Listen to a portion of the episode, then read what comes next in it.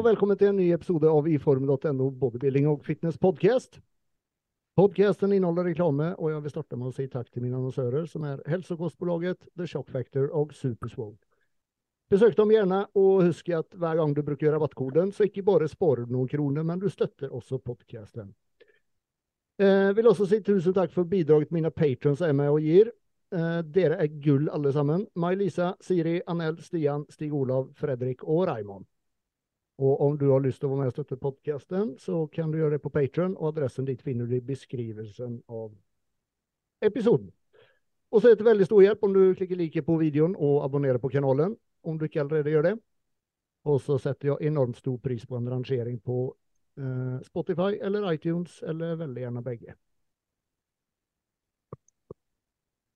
Masse gode folk på plass. Vi har eh, bl.a. med oss eh, Ossy, som uh, har gitt uh, et ansikt til, til, hvordan beachboyen skal se ut i år på stranda. og så har vi med oss Dan Titan, som dessverre ikke kommer rekke å nå opp til den statusen som beachboy. Har litt, litt lang vei igjen, tror jeg. Uh, Heidi. Heidi som bare poster matvideoer og mat, matbilder. og det som er. Og plutselig rund i trynet. plutselig rund i trynet. Og Jostein, som vi ikke har sett på en stund. Velkommen til dere alle sammen. Takk. Takk, takk. Vi får jo starte med deg, da, Åsy. Vi har jo liksom ikke, ikke snakket så mye med deg, holdt jeg på å si. Det er jo første gangen du er med. Har du, ja. begynner, du, å- begynner du å komme deg litt etter eh, EM, eller? Ja, nå er det som vi har pratet om litt eh, tidligere, at eh, nå begynner jeg å lande igjen. Nå begynner ting på en måte å falle naturlig på plass, uten at jeg føler at jeg må skjerpe meg selv. Eh, jeg har fått nok av god mat. Jeg begynner å føle meg dårlig, for jeg begynner å merke hvor ja, begynner å merke den forskjellen på god og dårlig mat over tid. Så nå har jeg egentlig bare hoppa tilbake på å kalle en ja, diett, hvor jeg har full kontroll på maten og jobber med de faste rutinene. Mm. Gått opp mye, eller? Totalt? Nei. Seks kilo, kanskje? Fem-seks. Jeg har prøvd å holde litt igjen, men ja. men, men du, følger, du følger en matplan nå, liksom? Ja. En fast, fast matplan? Ja. Også utenom helgene. Da jeg prøver å holde meg. Jeg har lagt meg litt lavere nå i ukedagene, for å så kunne ha fri i helgene dersom det, ja, man skulle ut og feire noen, eller uh, jo der seg en pizza. Ja, det der kjenner jeg til alt om. Mm. Uh, jeg tenker, før vi går videre, så må vi bare avklare en sak med deg, uh, Oskar. Burger King eller sushi? Det er BK. an- Yes. Yes. My, my man. My man. Først skal man bruker penger på rå fisk, sier jeg bare. Nå får du være med i podden mange ganger. Ja, ja, Det er liksom, Nå har du, nå har du uh, claima din plass her. Ve- Veldig bra. Veldig bra. Det liker jeg. Eh, hva er planen videre nå, da? Er det, er det, er det fysikk som fortsatt frister, eller eh, har du lyst til Ja. som, som Dan å blåse opp til eh, sånn alien-proporsjoner? Jeg føler at det er den fine, hva skal jeg si, mens vi syr kluken, så har jeg lyst til å holde meg i den divisjonen egentlig så lenge jeg kan. Jeg trener jo målretta mot å bli bedre, og ja, nå har vi på en måte lagt ned slagplan på hvor, hva, hva som skal bli bedre til neste gang. Mm. Så blir jo det generelt bare å få opp enda mer size fra sist osv. Men uh, til nå så tenker jeg at neste, neste gang jeg stiller, så blir det vel målet å jage proffkortet Mm. og prøve seg litt der også. Mm. Sånn, eh, sånn, nå når du var i EM, sånn størrelsesmessig, hvordan lå du an mot, mot resten av gutta der? De som slo deg, tenker jeg på da. Først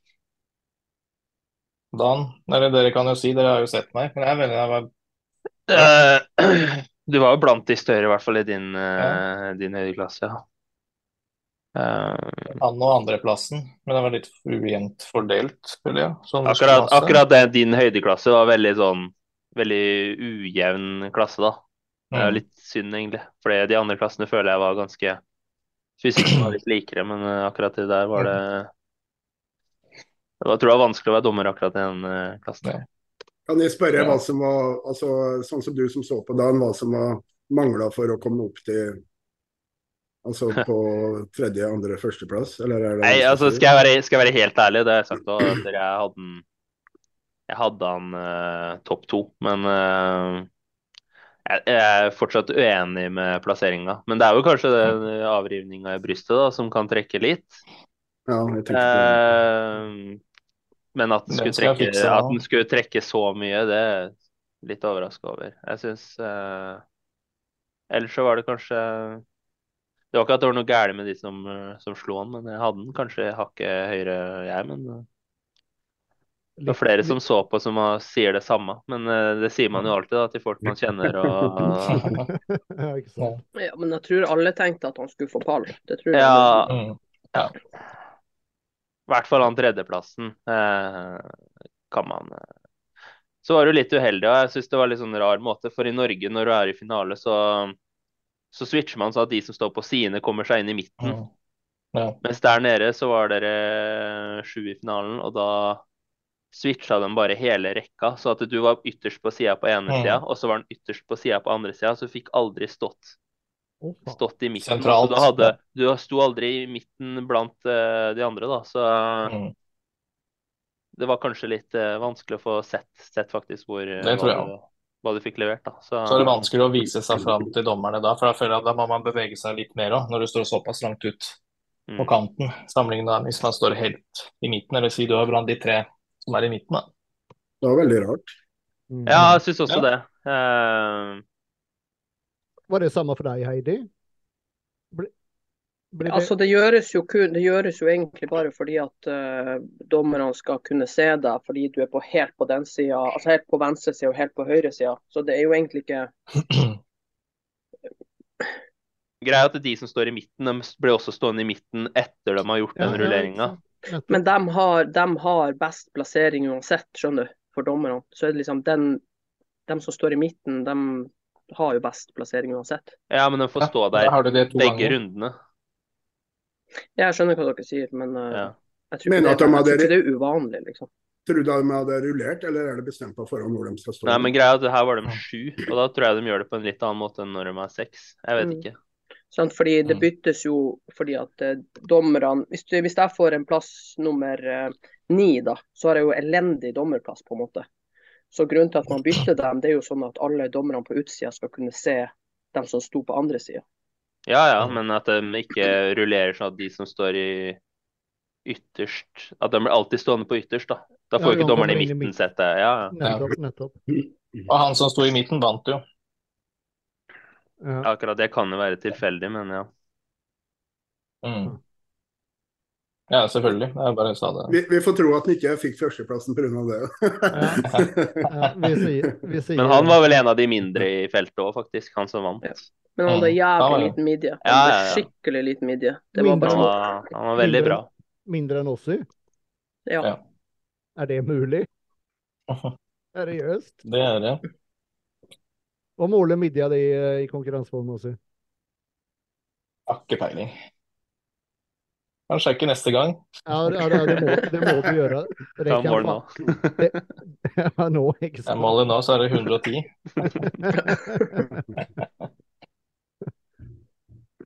uh, ja. Heidi, Yes. Metto belåten? Ja, nei, jeg har også litt sånn med Nossi at nå begynner det liksom endelig å roe seg litt. Jeg spiser jo veldig mye, jeg sa jo det i sted, jeg spiser jo veldig mye av bramaten. da. Jeg spiser jo 3000-5000 kalorier om dagen.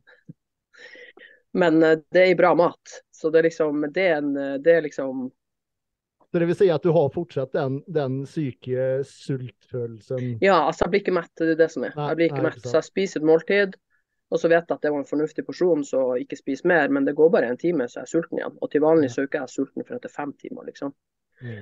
Men uh, nei, det går veldig fremover. Og syns det er veldig deilig bare å komme på gymmet og ikke ha syre etter to rep. Mm. Altså jeg kan liksom trene og liksom Greit, jeg er ikke så sterk enda, jeg må enda bygge opp styrken, men sjukt deilig å komme på gymmet og bare kunne løfte. Og så sa hun at jeg, altså konsentrasjonen min og sånn, jeg har bare tatt igjen alle podkastene med Foad og dem. For jeg har ikke klart å høre noe på podkast, jeg har ikke klart å se på serie. Hjernen har vært helt sånn ja, dere som har vært på diett, vet jo helt kokt. Mm. Så jeg har bare ligget i parken der og hørt på Foad og dem, og ligget på soverom og hørt. Og, så sykt deilig å liksom ha konsentrasjon tilbake. Mm. Sånn, Så, blir jeg også på diett, og det regner med de fleste av dere også blir at jeg greier ikke å se filmer eller serier eller noe sånt. Jeg Mm. klarer ikke liksom å holde konsentrasjonen oppe. nei, er helt Når helt det er god form, så, god form, så blir det sånn. Mm. Ja, det- Hvis du- du- du Huet følger ikke med. Nei. Jeg har, ikke, jeg har liksom ikke ro å, å, å følge med på en, en, en eller annen måte. Det, det eneste Nei. jeg klarer å se på, det er liksom fighting. Så, så Mm. UFC har det blitt veldig mye av de sist jeg stilte. Da så jeg masse UFC sånn siste ukene. Ja. Ja, nei, som sagt, jeg har ikke engang klart å høre på liksom, Jeg elsker jo den podkasten av Foad, men jeg har ikke engang klart å Mm. høre på det, liksom. Så jeg er bare helt sånn syra i hodet. Men uh, ja, det er kanskje deiligst denne uka å kjenne at det liksom Det har roa seg litt med at jeg har uh, Ja, det er maten og sånn, da. Mm. Selv om det er bare mat på Instagramen min, så, så er det liksom Det er bra mat, det er ikke bare liksom drit. Jeg craver ikke drit, liksom. Jeg craver bare å spise. Mm. Prøve å bli mett. Ja. Jostein, du er i Stockholm. Ja. Fortell, hva gjør du i Stockholm? Nei, jeg er på besøk hos en dame som heter, dame som heter Helene. Ja, Vi skal være her hele uka. Og så eh, er jeg på noe behandlingsjakt i forhold til kneet mitt. er, det, Jeg skal for, forhåpentligvis tjene i morgen. Okay. er det skikkelig ille, eller? Ja, nå er det dårlig igjen. Ja, ja forrige uke så var jeg på én time om natta med søvn. Så du merker jeg blir rimelig sliten etter hvert. Ja. Hodet Er det henger sånn, ikke med. Nei. Er det sånn konstant verking, eller? Eh, restless leg, hvis du vet hva det er for noe. Ja, ja, ja. Oh my Så, og så irritasjon utover natta. Eh, begynner å stå på og tisse sånn ved tre-fire i tida, og så er det, og så er det kjørt. Ja, ikke sant. Hva er det for slags behandling du trenger, da? Nei, nå vil jeg, det er ute etter nå først og fremst finne, altså finne en balanse i kroppen. Altså For jeg går jo feil. ene beinet kortere enn det andre. Eh, Det er også rett få, få en ekspert som kan på en måte gi meg tips i forhold til hvordan jeg skal opprettholde balansen. Det kan være ganske så komplisert, og det er jo vanskelig å drive med egenbehandling av sånn type balansering av kroppen. Altså rundt bekken og tenker du balansering for å avlaste så det ikke blir overbelastning på, en, på den andre sida, da, eller? Ja, jeg har f.eks. veldig stram hofteleddsbøyer på høyre side. For jeg får jo ikke tøyd foten, for den er jo 19, går jo bare 90 grader. Og hvis de prøver å tøye på den, så blir den jo dritdårlig. Så det å finne måter å tøye ilisoas på, f.eks., eh, rundt, rundt bekkenet, sånne type ting, da. Mm. For å, for å rette ut balansen rundt, rundt bekkenet. Og det har jo med ryggen å gjøre også, for det blir ubalanse i bekkenet, så går jo ryggen fort også. Mm. Og jeg har jo lagt ned veldig mye jobb på det. Så til nå så har det jo gått bra.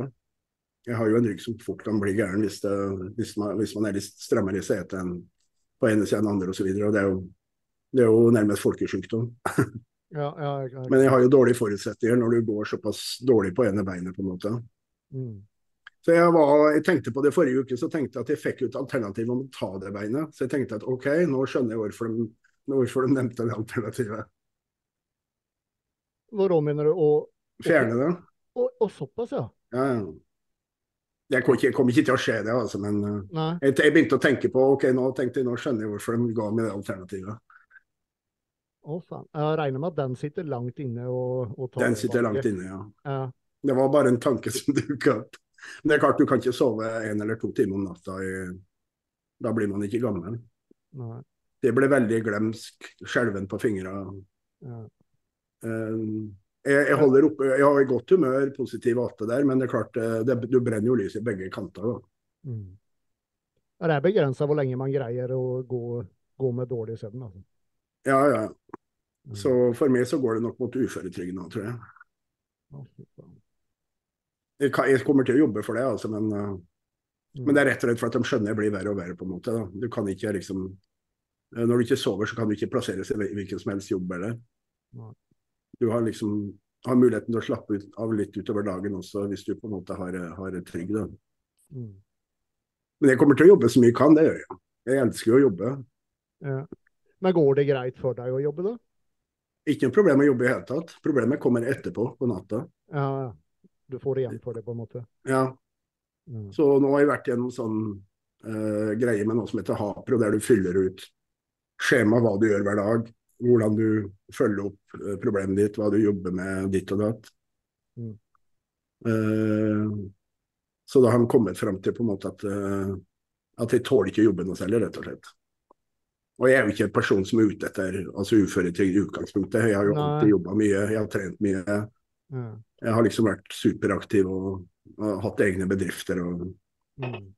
så det er jo ikke det som har vært målet mitt, men eh, etter hvert så må man se det i øyet at hvis man skal ha noe helseframtid, så må man, må man den veien, rett og slett. Ja.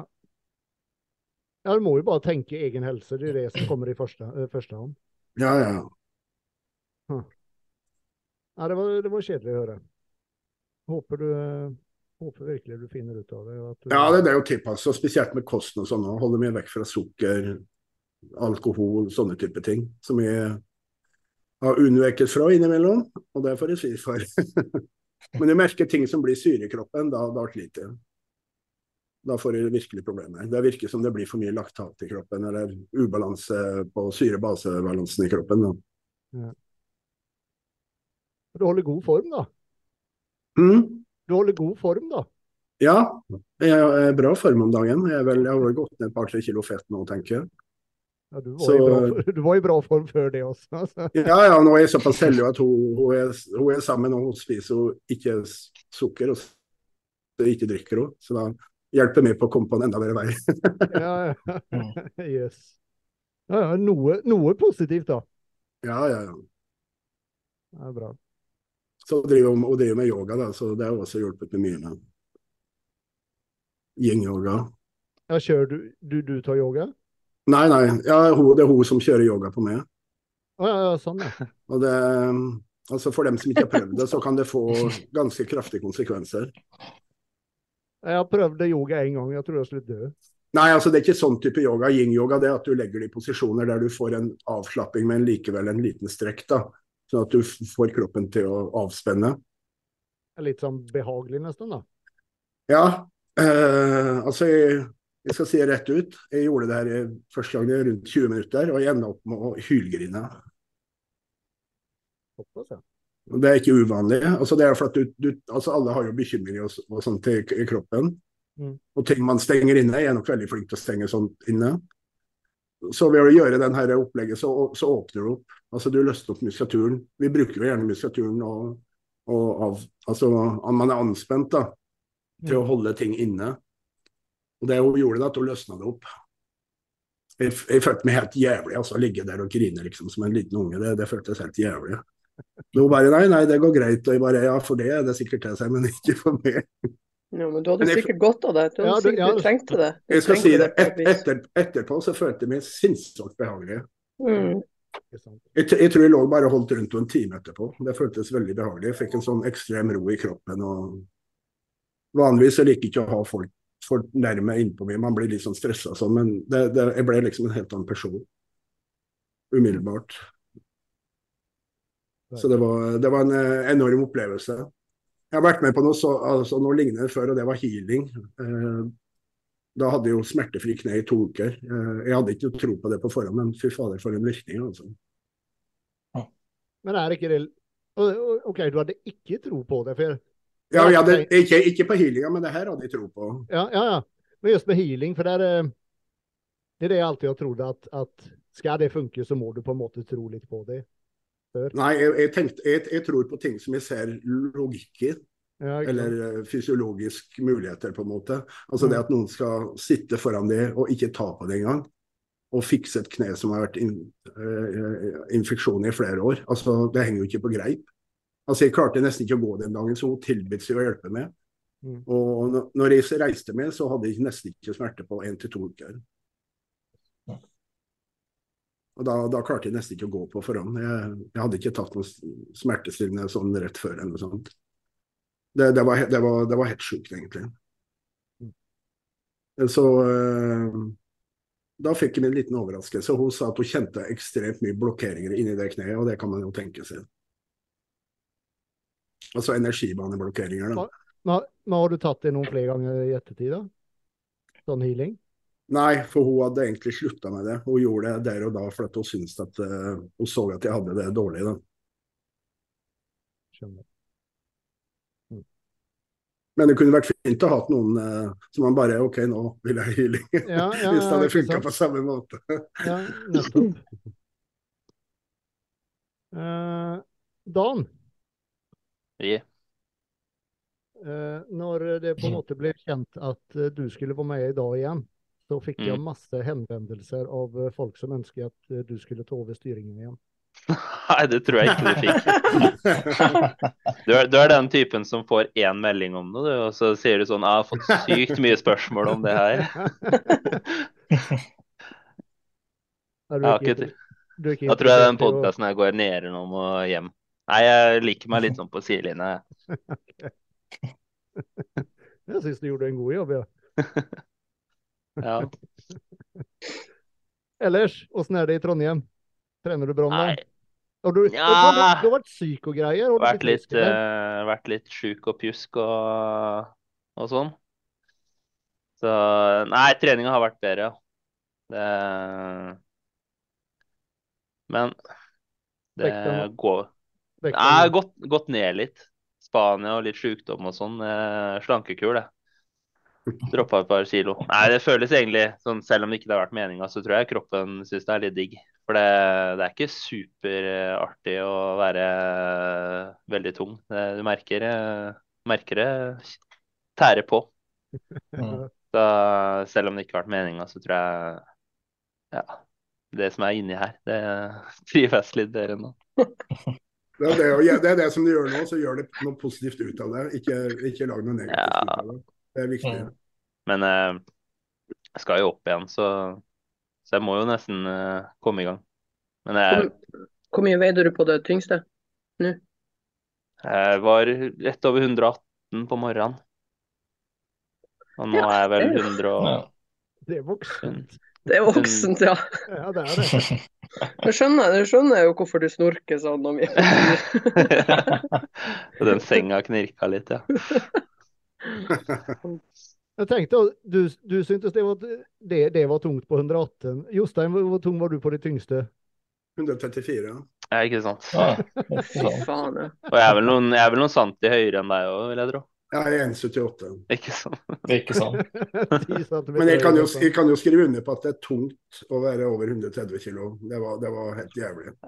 Altså, Du prøvde å bøye ned for å knytte skoene, så ble du blålilla i trynet. og Det var helt meningsløst. Men altså, det er må jo være noe sånn tilvenningssak, for det, Det det er er ikke, sånn til, det er ikke tilvenning, nei. Nei. Lover. Jeg lover. Det er Dessverre.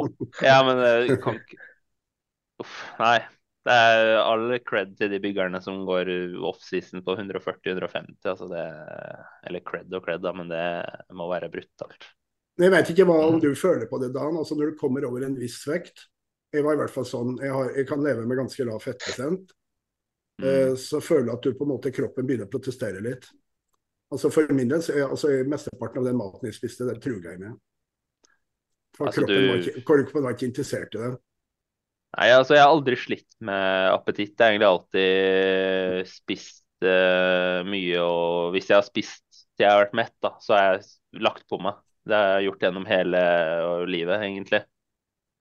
Men uh, første gangen jeg har kjent på at det har vært vanskelig å spise nok, det har vært nå, nå egentlig at jeg har nådd en sånn grense der hvor da kroppen har liksom støta litt mer fra seg. da. Jeg tror at det er, det er ganske naturlig, egentlig. da. Så jeg har aldri kjent på den følelsen før, men uh, gjør det litt nå. Det er vel at kroppen sier ifra at den vil ikke bli noe tyngre, rett og slett. Det er litt det samme som når du går på diett, tenker jeg. Altså, du, du, du går liksom ned til en viss fettprosent, og så Mm. begynner kroppen å protestere litt. Altså Det begynner å Mm. bli tøffere å være på diett, på en måte. Man begynner å kjenne forma komme. og Jeg føler at det er litt sånn likt begge veier. da. Du kommer litt for langt, for langt Mm. fra nordmannen din, Mm. eller det som er nordmann for deg sjøl, på en måte. Ja, det er kroppen sin måte å si fra på. Mm. Hva faen er det du driver med, liksom? Ja. Ja, det vil, det vil du ikke. Uh, vi har jo hatt uh, to uh, norske utøvere ute i, i den store, vide verden i helgen. Eh, Marte Lian konkurrerte i var det Arnold Classic i Sør-Afrika. Stemmer. Fikk vel fjerdeplass, tror jeg, i proff eh, bodyfitness der. Og så hadde vi han eh, Hva heter han? Ron, Ronna Pom. Ja. Mm. Var han Praha. også på Praha var han, ja. Han Mm. fikk, var det sjette, sjette han fikk? Sjette. Ja. Ja. Det var det. Ja. Mm.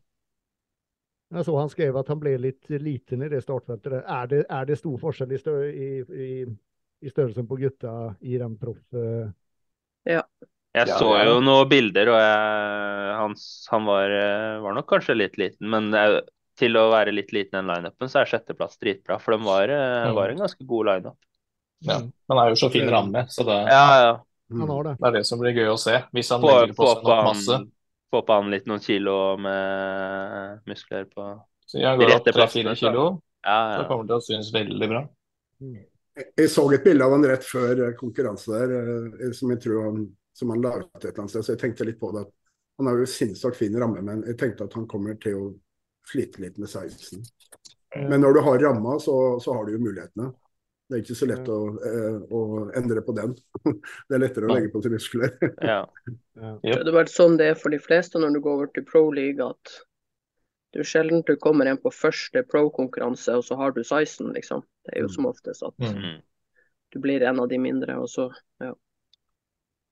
Det er jo en Ja, annen idrett, egentlig.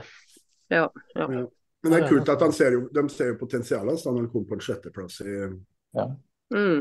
og, og er litt, er så er litt tynn i forhold til mange andre, i hvert fall. Jeg syns det er kult at han faktisk går og konkurrerer i proff. Jeg syns det er så mange som får de korta, og så bare ser du aldri noe mer til dem. Fordi at, Mm. de, fordi at det, det er så stor forskjell da, mellom de vinner i kort i en dårlig amatørkonkurranse, og da er de fortsatt så sinnssykt langt unna det å være en dårlig proff. Så de, Mm. enten så bare blir de værende amatør, eller så uh, slutt, legger de opp. Ja. Føler jeg. Ja, Mange som gir opp, kanskje. Ja, for det er så stort sprang, da. Mm. Fordi altså, de, folk eh, For de står og kaster ut proffkort i eh, hytt og gevær enkelte plasser. Mm. Ehm, så Ja, For det er jo ikke mange med. Det er jo, de klassene er jo veldig liten. Den Marte sin Mm. klasse òg, det var jo fem stykk, liksom. Jeg vet ikke hvor mange som var med i Ronna sin. det var ganske mange. Det var vel en sånn 15 22. eller. Ja, det var Ja, det bra. såpass, ja.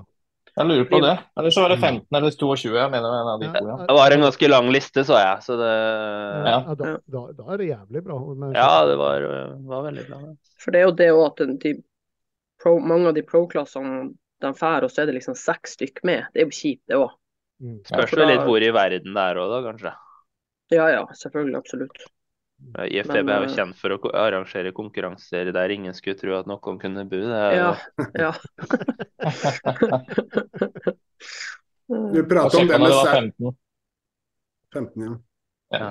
Nei, Jeg prater om det med 16. Jeg fikk meg en sånn vekker når jeg var med første gangen. Det var vel i 95, eller 96 kanskje, i Sveits.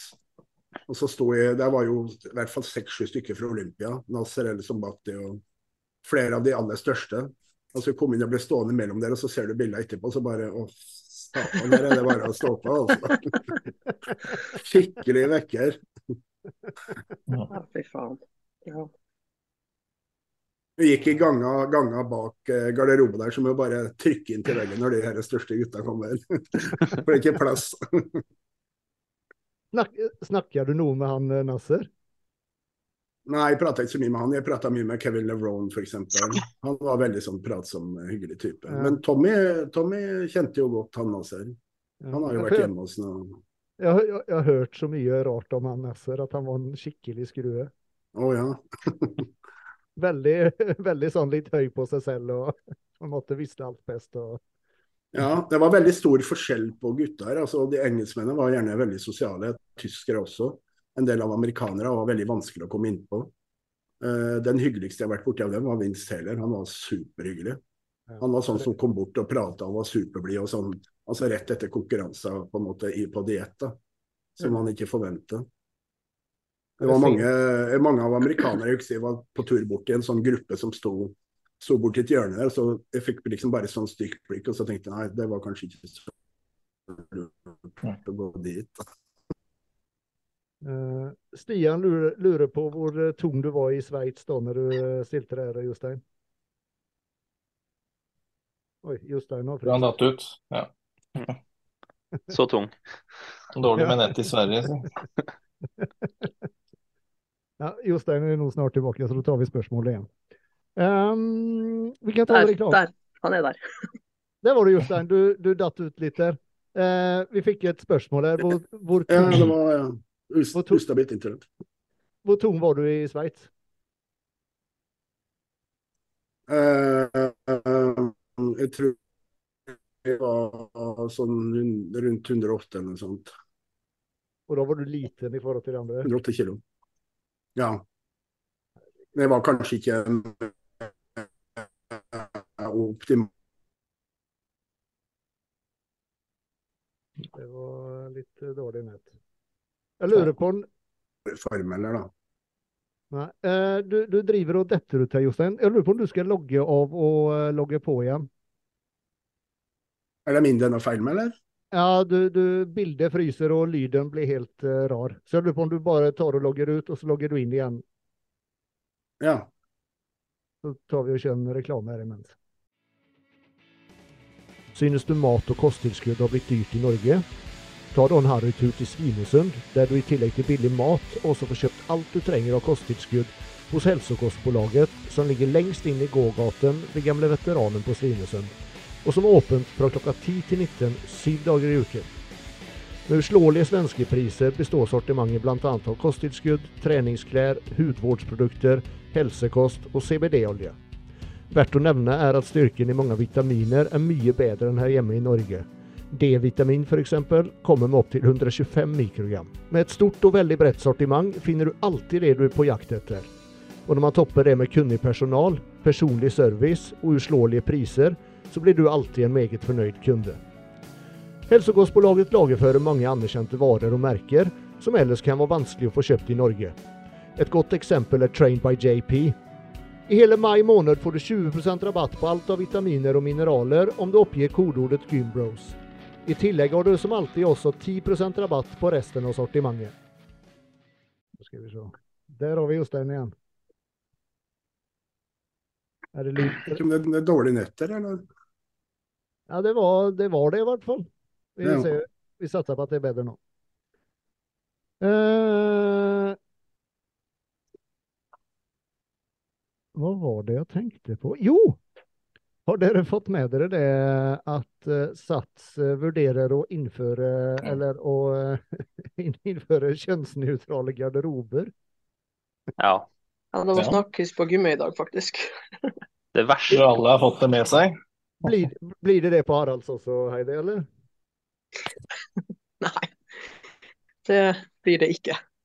Det er liksom Det er greit nok, det, men jeg bare lurer på hvem, hvem er det som vil Er det greit nok, det? Ja, ja, men det, det jeg lurer på Det er jo ikke det. hvem, ja, men hvem skal bruke en kjønnsnøytral garderobe? Hva er du da om Mm. du, om du er nøytral? Nei, jeg tror ikke det er det de mener. Jeg tror at det skal bare ha garderober, så kan du bare skifte hvor du vil. Så Eller er det sånn for blanding, holdt jeg på å si? Det er Det er vel for de som ikke vil eh, identifisere seg som verken menn eller Å ja, så det er sånn ja, ja, ja, det er sånn, det Så de sånn skal ha en ekstra garderobe? Ja. Så kan Ja. du gå der og ja, uh, på papiret dusje med menn og damer sammen. Jeg skjønner at det her er litt fremmed for folk, men jeg har sympati for dem som er der. altså. Jeg må si det. Ja, men trenger man å lage liksom Ja, Er det så mange? Ja, det, det er jo en del. Men altså, det er jo for dem, for dem det gjelder, da. Ikke sant? Det var jo ikke snakk være- Eller det er jo ikke garderober, da, men det er jo tydeligvis eh, de Sånn som jeg skjønte det, så hand- de store handikapstoalettene, så skal de eh, lage dusj, så at det er mulig å dusje der også. Da, så at om man da ikke ønsker å, å dusje i enten herregarderoben eller damegarderoben, da, så skal man kunne dusje, dusje på handikaptoaletten, for så, de dem som mener at de ikke er han eller hun, Med Ja. handikappa? Nei, ikke det, jeg sa ikke det. det som, sånn, da, da må de på handikappen, liksom. det. dem som ikke Jeg vet ikke, hva er dem, da? Altså, hva sier man? Altså, ikke no disrespect, men hva sier man? Liksom? er det, hen? Er det er hen, liksom, eller er det Det er hen, ja. Hen, ja. Okay. Jeg bare tenker, om man, om man da er en hen, hva er Er du en hen da, eller er, er, du en blanding, eller hva er du? Jeg skjønner liksom ikke. Jeg tror jeg føler kanskje litt sånn midt imellom. Jeg har fått litt forklaring av dattera mi på det, for hun eh, har jo venner og sånn som er det, men jeg, jeg kan ikke så veldig mye om det. Nei. Jeg er veldig åpen, eh, åpen og eh, hva skal jeg si for, for at eh, folk kan, kan ha eller føle forskjellige ting. Jeg, bare, jeg, bare, jeg er mer nysgjerrig på det enn enn noe annet, egentlig. Jeg forstår ikke Ja, helt. og så, og ja, det jeg lurer på, det er jo for jeg kan heller ikke så mye om det her, men at de ikke kan bruke verken herregarderobe eller kvinnegarderobe. Altså, det er ingen av dem Mhm. som funker i det hele tatt. Ja. For altså, igjen, no disrespect, men jeg kan også for lite om det, men jeg skjønner heller ikke helt. Det er, jo, det er jo en grunn til at vi ikke skjønner, på en måte, for at man er jo ikke det sjøl. Altså, I USA nå så er det vel foreslått en lov på at man kan ikke ta kjønnsoperasjon før man er fylt 18, tror jeg. Ja, det er Forstår faktisk jeg sier at det det, at jeg er du, bra. ja, ja, du må, ja, du må, ja, altså, mange må jo leve i en kropp på en måte som man syns det er feil da, til man er 18. Samtidig så har de jo det med ansvar og beslutninger og sånn, selvfølgelig. Men det går litt begge, Mm. begge veier, da. Mm. Ja, merkelig. Nei, for jeg vet bare Sats, eh, eller også om det sto i denne artikkelen, at eh, Sats hadde fått mange tilbakemeldinger om et ønskemål om nettopp dette. da. Så, eh, så det er ikke snakk om bare én eller to, utan det er jo tydeligvis mange. da. Eller kanskje Hva skal de gjøre da? Blir det et krav på alle sentre, eller er det bare noen utvalgte sentre som har det da? Her skal vi se, her har vi fått eh, Jeg skriver en øh, Er vel mer tanken at kjønn ikke er biologisk, men et spekter i forbindelse med sin mentale oppfattelse av kjønn. Ja, det er sånn som de som eh, mener at de er Det er jo folk som har eh, eh, Det varierer litt. bare, da, hva Har dere du- ikke lest om hun dama som hun som gjorde seg sjøl blind og sånn? For hun, hun mente at hun var en Ja, det er deres egen oppfattelse av seg sjøl. Og hun mente at hun var en disabled person, og hun gjorde seg sjøl blind. Jeg har hørt om sånne folk som sitter i rullestol for de identifiserer seg som handikappa Ja. og sånne. Ja.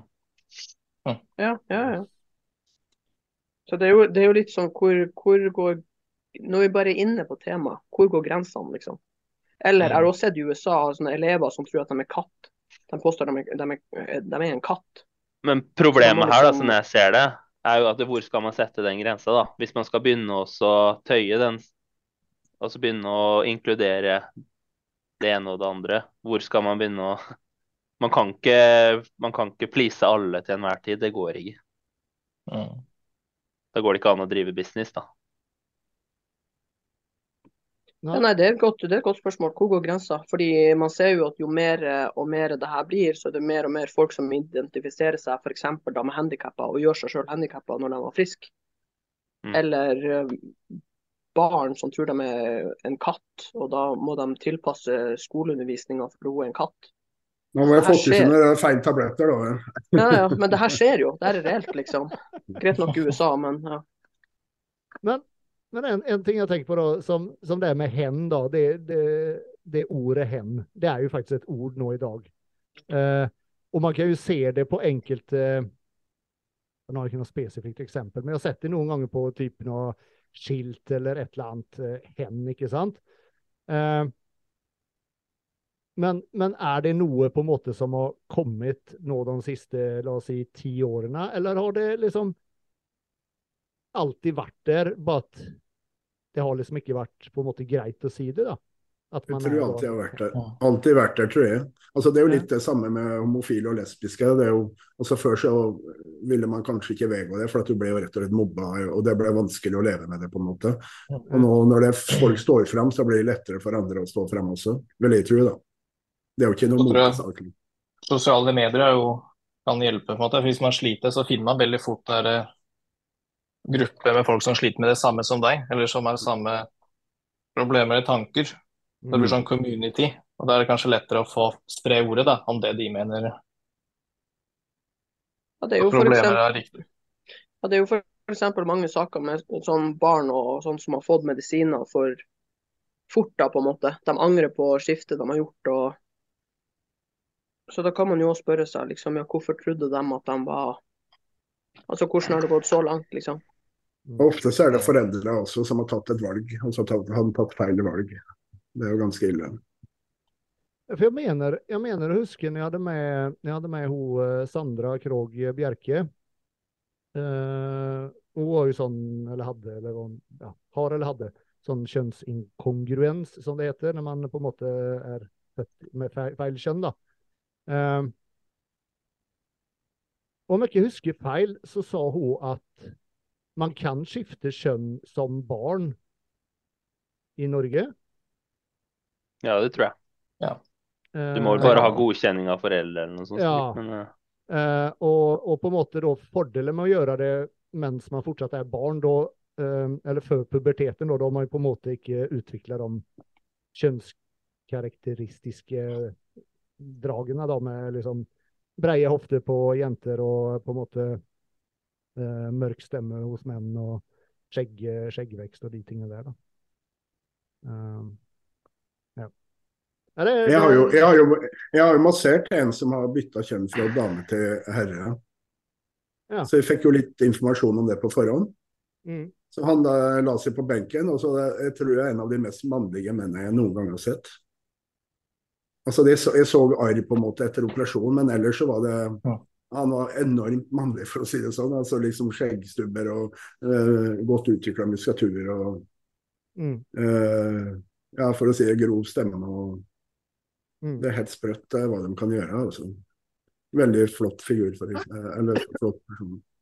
Ja, Broren, broren til, eh, til fruen, han, eh, han var tidligere dame, holdt jeg på å si. Skifta Eller er, er, er jo mann i dag, da. Og det er liksom, som du sier, Jostein, den mest, mest mannlige du kan tenke deg. Mm. Det er liksom sånn skikkelig grov stemme, skjeggstubb, eller skjegg mer eller mindre. Og, eh, Men, hen, men hennes, det er noe annet. Altså, liksom, de har jo bare vært født i feil kropp, men hen er at de ikke er noe av delene. Sant?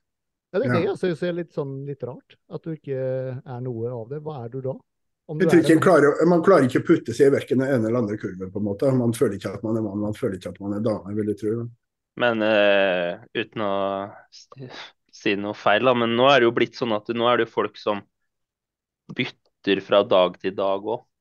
Hva de føler er seg som i dag. og de, Jeg har hørt om sånne armbånd folk bruker, men hvis de har den fargen, så er de, føler de seg som en kar, da. Og hvis de har den fargen, så føler de seg som Ja.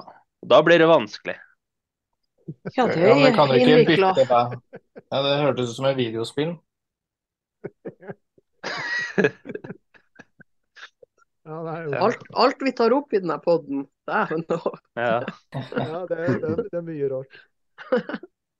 Det er det jeg mener, da. Da blir det vanskelig å kunne tilpasse som med garderober og sånn, da. Mm. Jo, men om du da er kjønnsnøytral, så kan du bare bruke den garderoben, da. da liksom, Jeg mener at folk må bruke den garderoben de Altså de fleste som De føler seg vel kanskje mer som noe, eller Jeg vet ikke, jeg. Men man må jo på en måte kanskje ta et valg, da, på hvor man ønsker å skifte. Ja.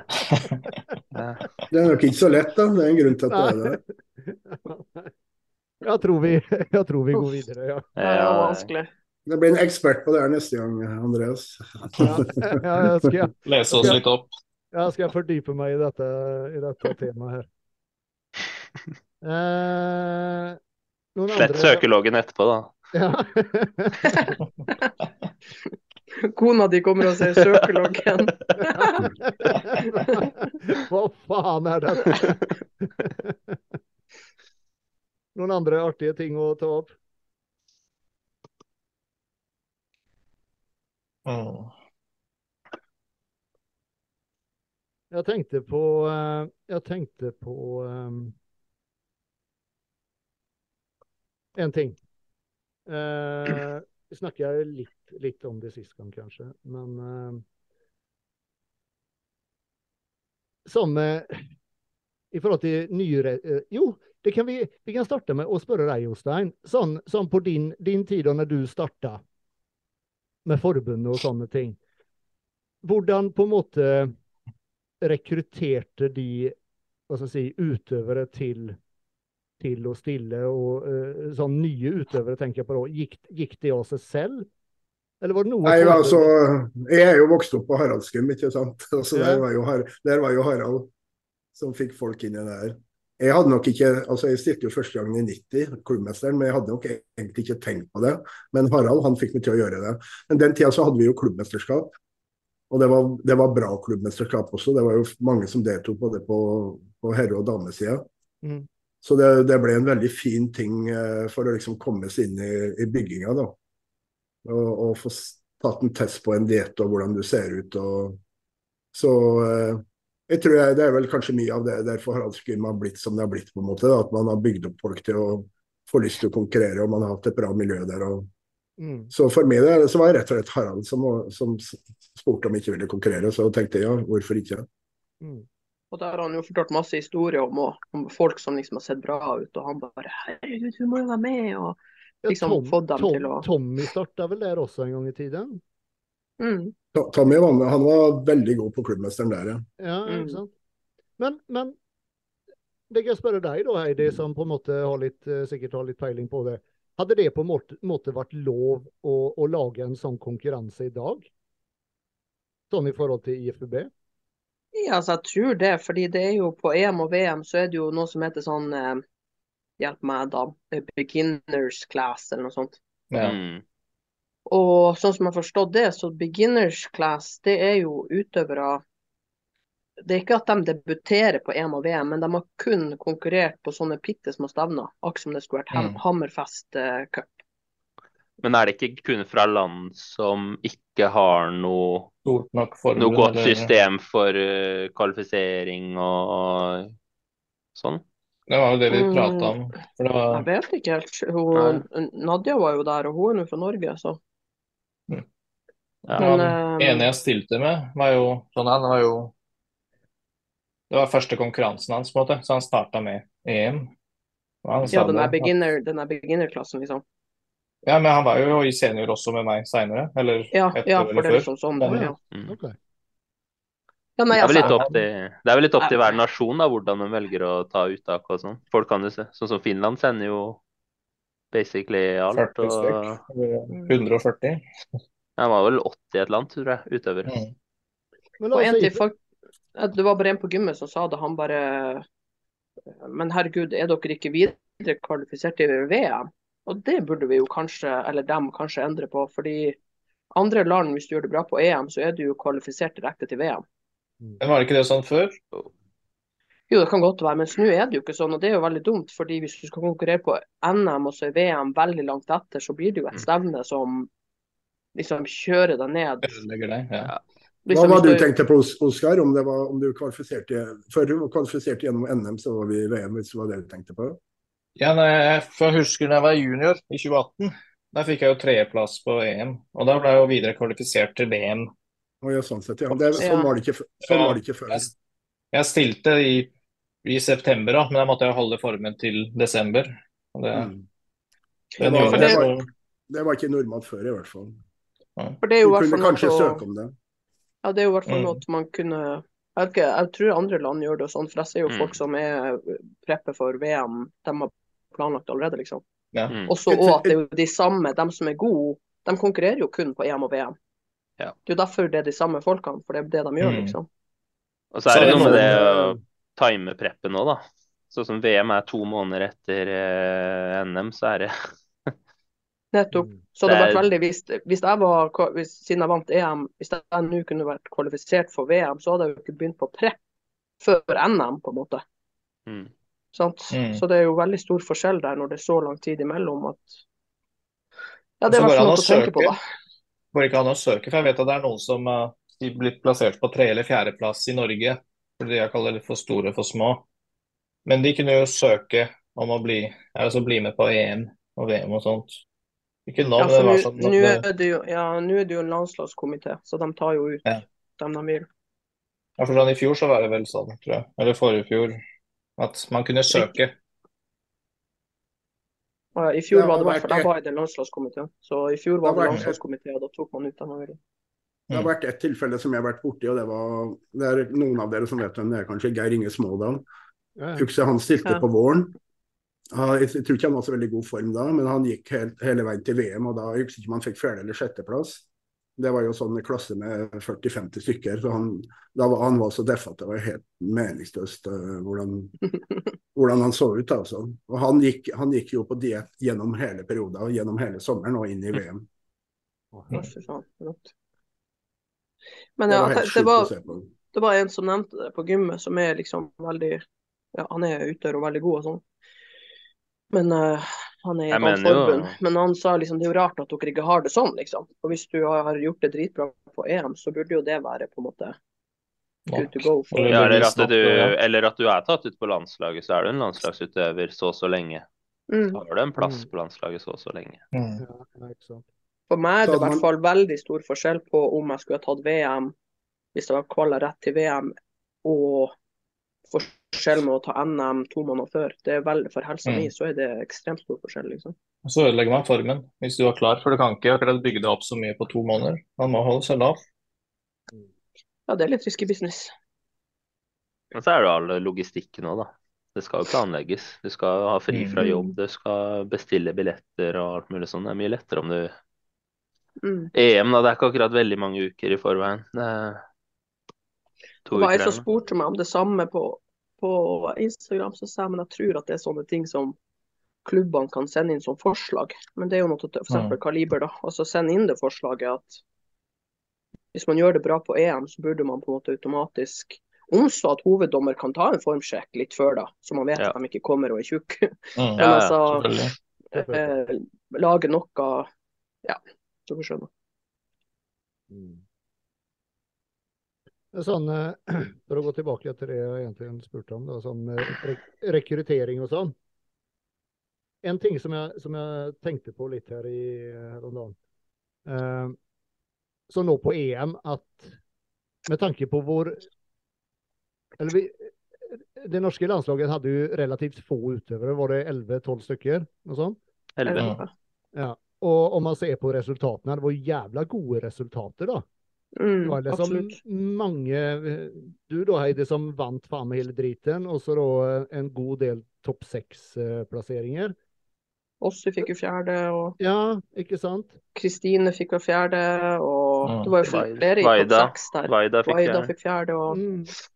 Jeg synes og, det, burde, det, burde, vært litt mer si, blest rundt det, på en måte. Absolutt. Jeg syns helt ærlig det har vært veldig lite veldig lite om det, liksom. Det er jo sånn man rekrutterer. Å se at han også liksom fikk fjerde der, det, det, det, motiverer folk. Men det ligger liksom ikke engang ute et bilde av han også i medaljen. Og det syns jeg liksom er Når det kommer til rekruttering, så er det akkurat sånne her ting som må ut.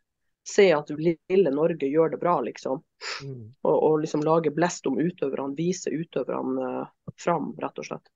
Jeg tror det var enklere før når det var blad, rett og slett. Men det er jo ikke det. Faen, det er jo sosiale medier. Altså, det er jo Ja, jeg skjønner det, men, men før så liksom alle, alle, kjøpte det samme bladet, på en måte, som var interessert. Det var intervju med utøverne, det var reportasje fra VM, kanskje fra en proffkonkurranse. Jeg føler at det var veldig kjekt, i hvert fall. Ja, ja, ja. ja. Uten tvil, men, men, Jeg vet at den tida er over, men det var i hvert fall veldig kjekt den tida. Ja, jeg er helt enig. Jeg, jeg, jeg personlig savner den tida. Jeg syns det var dritkult å kjøpe liksom, det nye bladet og lese om alt som mm. hadde skjedd. Eh, men det som er i dag, at det er jo så jævla enkelt å nå ut til alle folk. For jeg mener, de som er interessert, de, de følger, vi følger, all, alle følger de samme Instagram-kontoene, ikke sant? Mm. Men det skulle bare vært pøst på mye mer med Ja, ja. Det er jo bare så mye å snakke om for å se på Sverige, liksom. Hvor mye ja, de... ja, det var en som spurte meg på gymmet i dag, faktisk, når vi snakket om det her. Hun bare eh, hvordan gikk det egentlig med Norge? Liksom, jeg prøvde å se, men det, hvordan, hva vet du du vant da? Men hun visste liksom ikke engang hvordan det var gått med oss. Ja. Sånn, det, det, det, savna informasjon om det. Ja, liksom, de burde jo liksom De har jo en Instagram med over 6000 følgere. Den, mm. den, burde brukes. Uh, og sånn som Sverige, de poster jo enda ting fra EM. Det er jo bare mm. å kjøre på og få det ut. Når man har de kanalene der, det er der man må rekruttere jeg føler kanskje at de svenske atletene på en måte blir hyllet litt mer. Mm. Ja, jeg syns òg ja, Enn hva det blir i Norge, kanskje.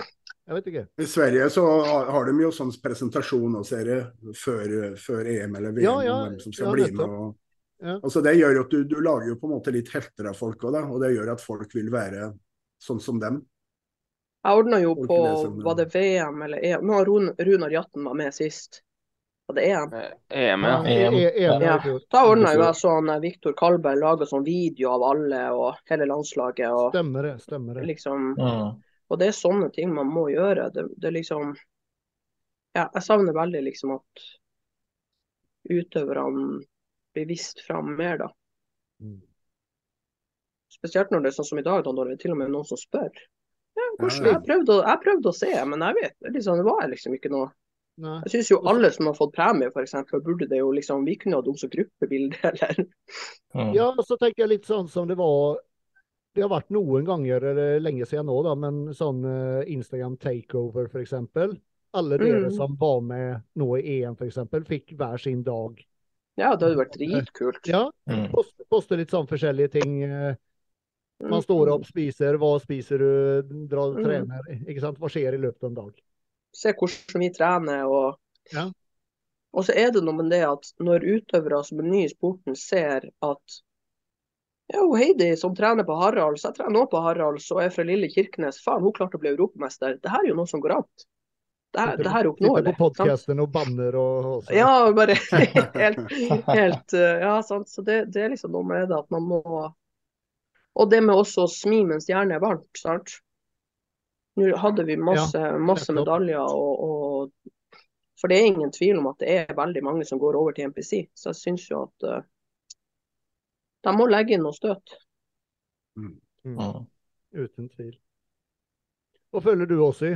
Føler du det har vært lite blest rundt din uh, fjerdeplass, som, som er, er helt sinnssyk?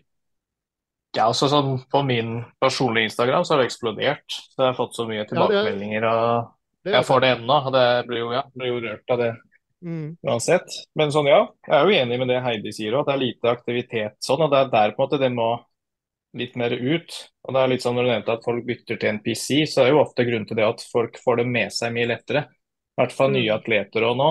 De vurderer jo NPC fremfor IBB fordi det er det de ser mest av. Og da får de jo inntrykk av at det er det som er det shit. Mm. Og Mm. selv om jeg er i IBB og kommer til å holde meg i IBB så vet jeg at det er sånn der har de mye mer å gå på. Og det ser man også på selve IBB, på de, ja, de som styrer hovedbrukerne. Og der også har de mye å gå på når det kommer til markedsføring og, Mm. og reklamere stevner og konkurranser og sånt. Sammenlignet med NPC. Og de NPC-konkurransene vil ikke si at så mange av de jeg har sett har vært så mye bedre, utenom Olympia og sånt, men de ser bedre ut på papiret. De ser mye mer eh, gjennomtenkt og proft ut, fordi markedsføringa er på en måte på plass. da. Mm. Mm. Er jo veldig, jeg, fin- jeg føler vi, vi fikk jævla mye blest før. Jeg gjorde meg veldig sebar også. Jeg var jo med i annenhver BK, tror jeg. Altså både det svenske, da. Jeg var jo litt kompis med Ove som eide bladet også, men Mm. eh, Og så jeg husker etter hvert i slutten av karrieren min i 2004 så gikk jeg over til Vabba.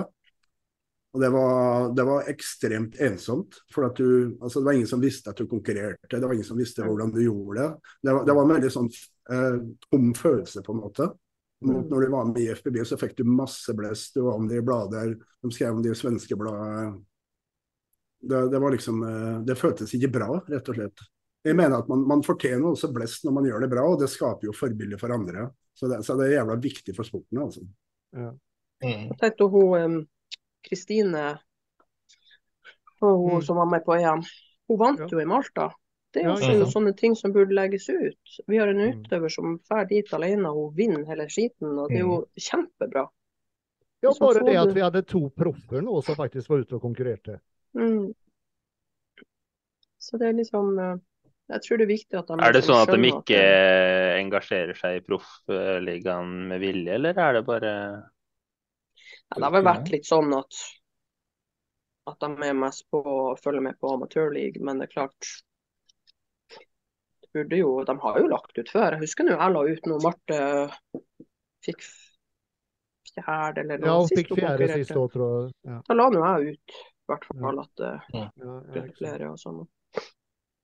Men det er klart, også ikke minst kanskje tenke at OK, det er pro league og landslag vi har. Og hvis pro league er det som skal rekruttere, så burde man jo i hvert fall vise mer av det, da kanskje. Mm. Sånn som Ronna òg, som er første gang i Pro League og får sjetteplass, det burde jo òg liksom legges ut. Mm. Men uh... Det er vanskelig å skape noe, noe større sport når man ikke har noen forbilder, føler jeg. Det er viktig at man skaper blest om det. mm, Mm. Uh, Altså som Eh, Heidi sier, da, at der- du ser at der, de er ikke noe annerledes enn det du sjøl er, på en måte. mm. Vi er et par vanlige folk, liksom, Ja, ja. Som, som gjør det bra fordi vi har work ethic, liksom. Helt vanlig er vi ikke, men eh, sånn, sier Vi dødelige. Vi er vanlig dødelige. Ja. Stian skriver her eh, hvorfor ikke resultat fra sånne stevner, NM, EM, VM etc. på TV2 Sport? Sjakk, sjakk og, og gamingresultat er jo med. Jeg, jeg er helt enig, Stian, men eh, jeg tror det er ganske mange flere som følger med på sjakk og gaming enn bygging. Altså. Det er jo en grunn til det òg, da. Det er jo ikke noe, det er jo ikke noe mediedekning. Så Jeg media styrer jo Det er en sjelden to- gang man- Mhm. I 92 så var det jo sending på TV3. Var var det? Ja ja. NM gikk på TV3. Hæ? Det var dritkult. Jøss. Ja ja. Det var første gangen jeg var med NM, og da var det sendt på, på TV-en. Live, liksom? Live. Eller om det gikk litt seinere enn sånt, jeg vet Ja, ja, ikke. ja, ja. Men jeg vet jo det var folk fra den, bygd, folk fra den bygda som jeg kommer fra, som fulgte med på det. Og det er jo, det er jo kult for en sjøl også, at man vet at lokale folk ser de, på en måte. Og, Ja, og det er jo litt det samme. Har ikke, har ikke Norges sterkeste mann vært på TV noen ganger? mm. Jo, jo, jo. jo. Det har det vel. Jeg, jeg, jeg føler jeg har sett det på TV, så det må det ha vært. Og så jeg tipper det, det, det, det, det er i hvert fall færre som driver med strongman enn enn med fitness og bygging. man har på seg klær, vet du. ja. Det derfor. men, men jeg tror det er lettere egentlig for vanlige folk å på en måte connecte til strongmans, da, for du ser hva de løfter og Alle, alle, alle, skjønner, alle, alle skjønner jo at det er tungt å dra et fly, liksom. Mm. Ja, ja. ja. Så lettere å skjønne seg på det. Mm. Og den som løfter tyngst, vinner. Den som eh, løfter fortest, eller sånn, den vinner. I kroppsbygging så er det sånn En mann i gata hadde sikkert eh, ikke klart å tippe en eneste klasse riktig, liksom. Mm. Det er jo en grunn til at eh, vanlige folk kommer til meg og sier sånn, hvis de f.eks. har sett litt og sånn, de bare Hvordan klarer du å dømme det der? Alle ser jo helt likens ut. Det er sånn det er for folk, sant. Jeg syns jo det er sånn nå, ganske ofte.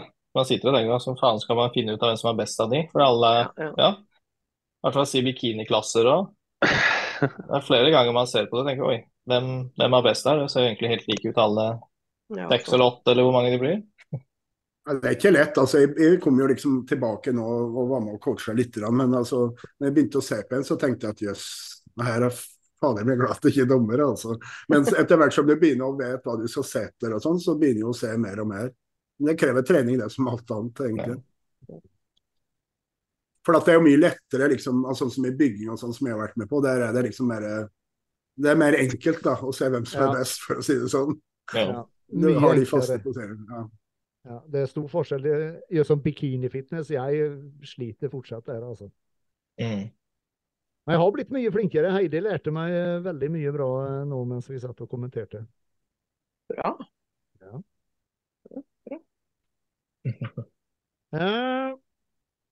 jeg tenker Vi tar en kjapp reklame. Norges råeste treningsklesmerke The Shock Factor har nettopp hatt en nyrelease av Graphic-kolleksjonen med flere nye design og farger. Men fort deg å bestille for å sikre deg ditt eksemplar da etterspørselen er veldig stor. Du fikk vel også med deg den dritkule tracksuiten som ble lansert for et par uker siden?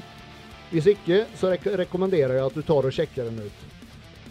I tillegg har de også performance-kolleksjoner med både dame- og herretøy, samt oversized og lifestyle-kolleksjonene.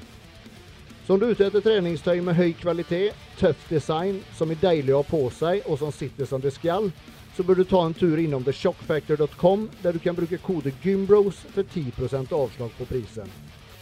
Altså koden GYMBROS gir deg 10% avslag på prisen hos The Factor. Jeg tror en av de Nå er jeg tilbake. Ja. Jeg er tilbake. Ba, bare fortsett. Ja, jeg tenker jo at den derre sånn eh, Den TikTok-banden som har begynt å skulle konkurrere og sånn nå. Jeg tror det kan være positivt for rekrutteringa til sporten. For dem når jo virkelig ut til mye folk, så Absolutt. Og det er mange som ser opp til de, og i hvert fall den yngre generasjonen også, Ja, ja. som er litt mer ivrig på det. Og de er ganske i starten Fordi- av treningskarrieren. Mm. Ja, for de får jo liksom fulgt livene deres tett på, da, og så ser de at de konkurrerer, og de så ut som average Joe for fire år siden, da, og så har de vært litt dedikerte og sånn i noen år, og så konkurrerer de, og de gjør det, gjør det greit, Mm. liksom. Så Mm. det skal ikke så himla mye til å gjøre det OK på en norsk scene, altså. Nei, altså det, Vi vet jo at det er Det er svingende nivå. Ja, altså Det er realistisk for, for de fleste, så lenge de har litt ja. work ethic og, og, og ikke dårlig tid, da. Så ja. du trenger ikke å være den énprosenteren eh, med perfekt genetikk og sånn Ja. for å klare å gjøre det ålreit. Espen Berge er i god form, by the way. Ja. Han er bra nå. Ja, det begynner å komme Det blir spennende altså. å se. Det blir artig. Da er Han nekta jo. Hva? Hæ? Altså, han, Hva, hva sa du? Han, han nekta? han nekta jo for at han skulle stille noen gang. Han bare nei, han bare trener for moro. Jeg sa bare vent, det kommer en dag. Han sa, han så, jo det på, på Han var jo med på Gymbros eh, for noen en måned siden, to måneder siden eller noe sånt. Og da, da spurte vi han, ikke sant? Skal ikke du stille noen gang, da? Nei, nei, nei, nei. nei det var ikke hans greie. Mm. Nei. Men nå er han der. Ja, så fort kan det snu. Så vi må bare Aha. mase på alle. Yes. Um, skal vi ta litt spørsmål? Ja. Uh, da må jeg bare finne dem. Uh, skal vi se. Eh, Jo, uh, T-skjorte til, eh, eh, til en heldig vinner. Det ble Hva skrev jeg her? Naomi. Naomi Fernandes. Gratulerer, du har vunnet en T-skjorte. Du får en melding av meg. Og så eh, ordner vi opp det. Da skal vi se. Hun har jo grodd bra, så du må gi noe XL eller noe sånt. Ja, jeg har opp til, eh, opp trippel XL her. Ja. Naomi, da får du i posten trippel XL. Jeg tror det skal holde. Eh, jo, kan jeg starte med det? Sist så snakka vi jo litt om det, den posten som Handlas Lasse Tellnes skrev. Det med at det var mange som var høye på seg selv, etc., etc. Og Mm. tok, tok litt av. Og så har eh, Lasse skrevet her eh, Det var definitivt Dan han sikta til. Men ikke pga. at du vant eh, Sandefjord Open, men fordi at, han, eh, for at du er større enn Lasse.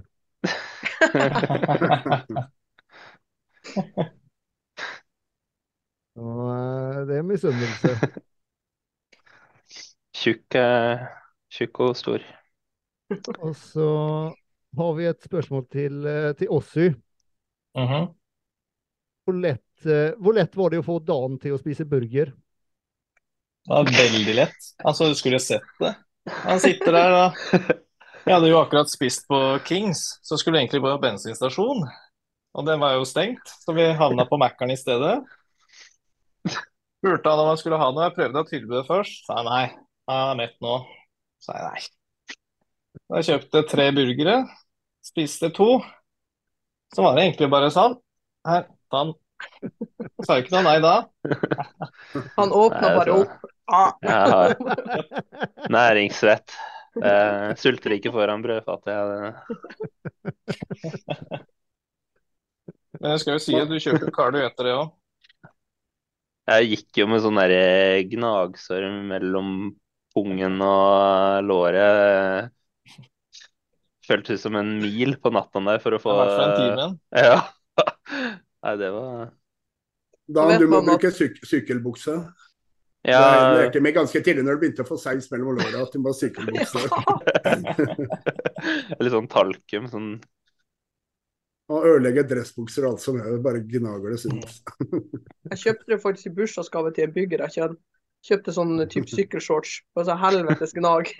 Ja, ja, perfekt. Oppstår mye rare problemer etter hvert. Da vet man at man er off season, liksom. Fy faen. Til og med jeg har hatt det en gang. Uff. Ja. Men det skal sies da, de dagene der nede, du går hele dagen og ikke spiser noen ting. Så eh, på kvelden da, det Da går det ned noe, noen kalorier, da. Ofte problemet kan være også man begynner å spise sånn proteinsjokolader og sånn. Da blir man brukende kveld på toalettet i stedet. Ja. Men det skal sies da, vi er ganske heldige her i Norge med det vi har av proteinbarer og sånn, fordi det de har der nede, det smaker som proteinbarer smakte for 15 år siden her. Jeg skulle akkurat si det. Det smaker Ja. sånn sånn eh, noe multipower. Ja, det er de første, ja. 20. Det er helt krise. Det skal sies at Multipower har hatt gode sjokolader i mange år, altså. Men det med sølvgreier på Ja, den er på Ja, Haralds den ennå. eh, Ja, jeg tror Har- Harald hadde et navn har hatt et navn på den sølvreven eller et eller annet sånt. tror jeg Ja, den har de tatt inn, så den er der ennå. Ja, ja, den er, smaker akkurat det samme som for fem år siden. ja, det er mange Det, det er ikke et uh, godt tegn. Det er ikke et nei. Jo, det er et godt tegn.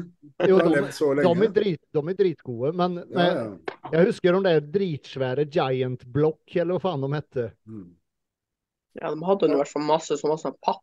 Det var helt, Jeg husker proteinpulver òg. Først jeg fikk Mm. proteinpulver da jeg var 15 år eller noe brytetreneren min. Å, fy faen. Jordbærsmaken, da. Å, å, det var sjukt. Vi reiste jo på, på um, Og så kjøpte sånn uh, proteinpulver på Hva fader var det for en? da? Jeg vet ikke om det var tiende eller hva det var for. Det smakte i hvert fall pyton. altså. Du ble så dårlig i magen at det var helt sinnssykt. Det var en helt forferdelig smak. Var det ren, kjøpte- ren, ren vassle eller noe sånt? eller? Eller ren uh. Ja, men det var en eller annen rar smak på det. altså. Jeg husker ikke helt hvor vi fikk kjøpt det, men det var jo sånn tikilossekker kilos og sånt som vi kjøpte. Men jeg gjorde, jeg gjorde ikke det lenge, altså. For det, det ble så dårlig i magen altså, at det var helt meningsløst. Jeg husker jeg blanda det med juice. eh, Sånn uh, appelsinjuice. ja, det var helt meningsløs vond smak. Eller sånn eggprotein, jeg vet ikke om dere har prøvd det? ja. Jo, jeg har tenkt på akkurat det samme. Jeg Det vant noen sånn. sånne dunker med det i høst. Og så hadde jeg ingenting annet, så måtte jeg prøve det. Altså Det Ja, verste jeg har smakt. proteinpulver lagd på, på Ja. Ja. Var det, var det? Mm. ja, så var det sånn der fruit punch-smak. Ja, Det var helt- helt-. Ja, nei, det,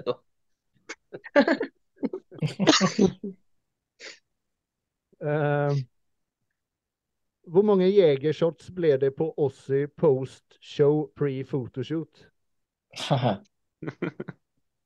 mm. Hvor mange ble det, da? Kommer i hvert fall frem til fem. Det, Det da gjorde du og han der creepy fotografen. Han sier jævlig Ja. creepy, han der. Ja, men det er det jeg kjente. Bare sånn okay, Da trenger jeg noe shots. Men i hvert fall fem. Ja, du kan si mellom fem og syv. Det begynte å hjelpe litt da, tenker jeg. Ja. ja. Men det var, var det når du tok før du tok bildet, bilde, sa du? Ja, fordi vi Først så skulle jeg ikke ha bilder, for jeg trodde han skulle, at jeg skulle betale for det osv. Så, videre. så sa han nei, men jeg snakka med de fra Masco Fitness eller hva de er, og de skulle ha bilde med meg mens jeg holder plakaten eller der i magasinet. Mm. Og jeg sa ja, OK, greit. Og da Det var jo to dager, eller andre dagen med offseason, så jeg holdt jo på litt vann og var jo ikke den beste formen heller. Det var mye bedre kvelden før.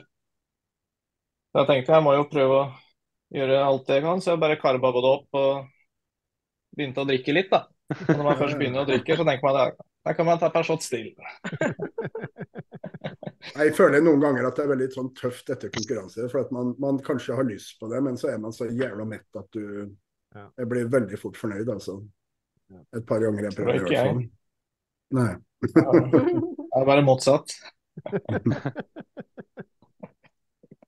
I hvert fall med alkohol også, så merker jeg jo nå at kroppen Det skal ikke mye til før jeg begynner å få vondt i huet. og Sånn var jo på 17. mai og drakk ikke mye. Jeg Var ikke full, men eh, jeg ble hangover sånn midt på dagen. Mm. Det er bare at du begynner å bli gammel. det. Det, Eller det begynner å bli gammel. men det er bare bra, for jeg har ikke lyst på det. Har for mye, har for mye cardio noe å si så lenge makroene er optimale? Underskuddet større Har for mye cardio noe å si så lenge makroene er optimale? Det vil si så lenge underskuddet er større? Ja, vil jeg si i hvert fall. Ja. Altså, du, du blir jo sliten av det. Du bruker jo krefter på det. Du bruker energien, ja. Mm. Mm. Og så får du ikke bygg, la oss si at du fokuserer på hypotrofi eller økt styrke underveis, så har du ikke energi til å prestere bra hvis du gjør det på, i lange løp. La oss si du skulle gjort det i en måned. Så vil jeg tro at eh, kvaliteten på øktene ville gått ned drastisk fra, fra man starta til ja, bare det har gått en uke eller to. Da ville du ikke fått noe frem. ta- Jeg kan ta et godt eksempel på meg sjøl. Altså, jeg har jo en rekord på 16 reps på 2,20. Og jeg begynte å massere mye. I, Så stopp, benk? benk, ja, benkpress. Eh, Sorry, det jeg glemte å si. I hvert fall når jeg begynte å massere mye, så, så stoppa det på 120-130. Det virka som kroppen endra seg, at den tilpassa seg det at du skulle stå og massere 12-13 stykker om dagen. Så skuldra eh, var jeg kanskje på 160, og så var jeg på 120-130 på treningsvekt på, på benk. Og det sto helt stille. Til og med når jeg har sommerferie og ikke jobba så mye som massør, så var det helt altså jeg kom ikke opp i det hele tatt. Og jeg vet nøyaktig hva man skal gjøre for å bli sterk, men eh, det sto helt stille. Så det virka som kroppen endra seg til å kunne stå og massere seks-syv timer om dagen. Da. Men uh, drev, drev du noe som massør mens du var proffbygger? Jeg begynte sånn i 98, veldig rolig. Ja. Da tok jeg utdannelsen min. Men merker du noe på, på, på en måte Hva skal jeg si Måtte du forandre på treningen noen ting i forhold til at jobben da ble veldig fysisk? Ja. Ta, to, ta hensyn til det, ja. Veldig hensyn. Altså korte økter og veldig intensivt. Ja. Få sett, korte økter. Eh, så merka jeg at det var veldig, veldig viktig. Ellers så forbrukte de for mye energi. altså Kroppen skal jo hentes inn etter en dag med massasje også. Mm. Altså I hvert fall når man er behandler, for å si det sånn. Ja, ja, ja. Så jeg tok veldig hensyn til det. Og for meg så gikk det spesielt utover brystmuskulatur. ja, det gikk jo rart. Du, står, du står jo og bruker den veldig Ja, hele tiden. Ja, det er akkurat det. det er, du Ja. bruker mye av det. Og, Ja. og det, det er tydeligvis at muskulaturen bestemmer seg for å endre seg for å holde ut en hel dag, i stedet for å klare å løfte tungt fem reps, på en måte. Mm. Eh, så det var det jeg sa. Det gikk ikke utover noen annen muskel, muskelgruppe sånn styrkemessig, men bryst så gikk det ekstremt mye utover. Det var klin umulig for meg å gå opp i styrke, rett og slett. Men hva med, hva med cardio sånn off-season? Er det, er det noe dere, dere kjører? Eller gjør? Jeg sier til meg sjøl at jeg skal, Ja. men Jeg gjør ikke det. Burde jeg har gått cardio nå. Jeg burde Jeg tror at det er bra for restitusjonen, og da prater jeg om rolig cardio. Mm. Altså, Ja. jeg, jeg liker jo selv å sitte og sykle på en sykkel der du også har arm Jeg vet ikke hva det kalles, men du bruker armene samtidig som du sykler. Det er rett og slett for å få ut laktaten av kroppen. Altså Styrketrening skaper jo ekstremt mye laktat i kroppen. Mm. Og dårlig balanse, mye kramper og sånn. Så jeg følte at jeg henta mye raskere ved å f.eks. sykle 20 minutter etter en beinøkt. Eh, jeg sykla både før og etter, og jeg følte at jeg henta meg én til to dager raskere, nesten, på det. Jeg har aldri merka forskjell på det.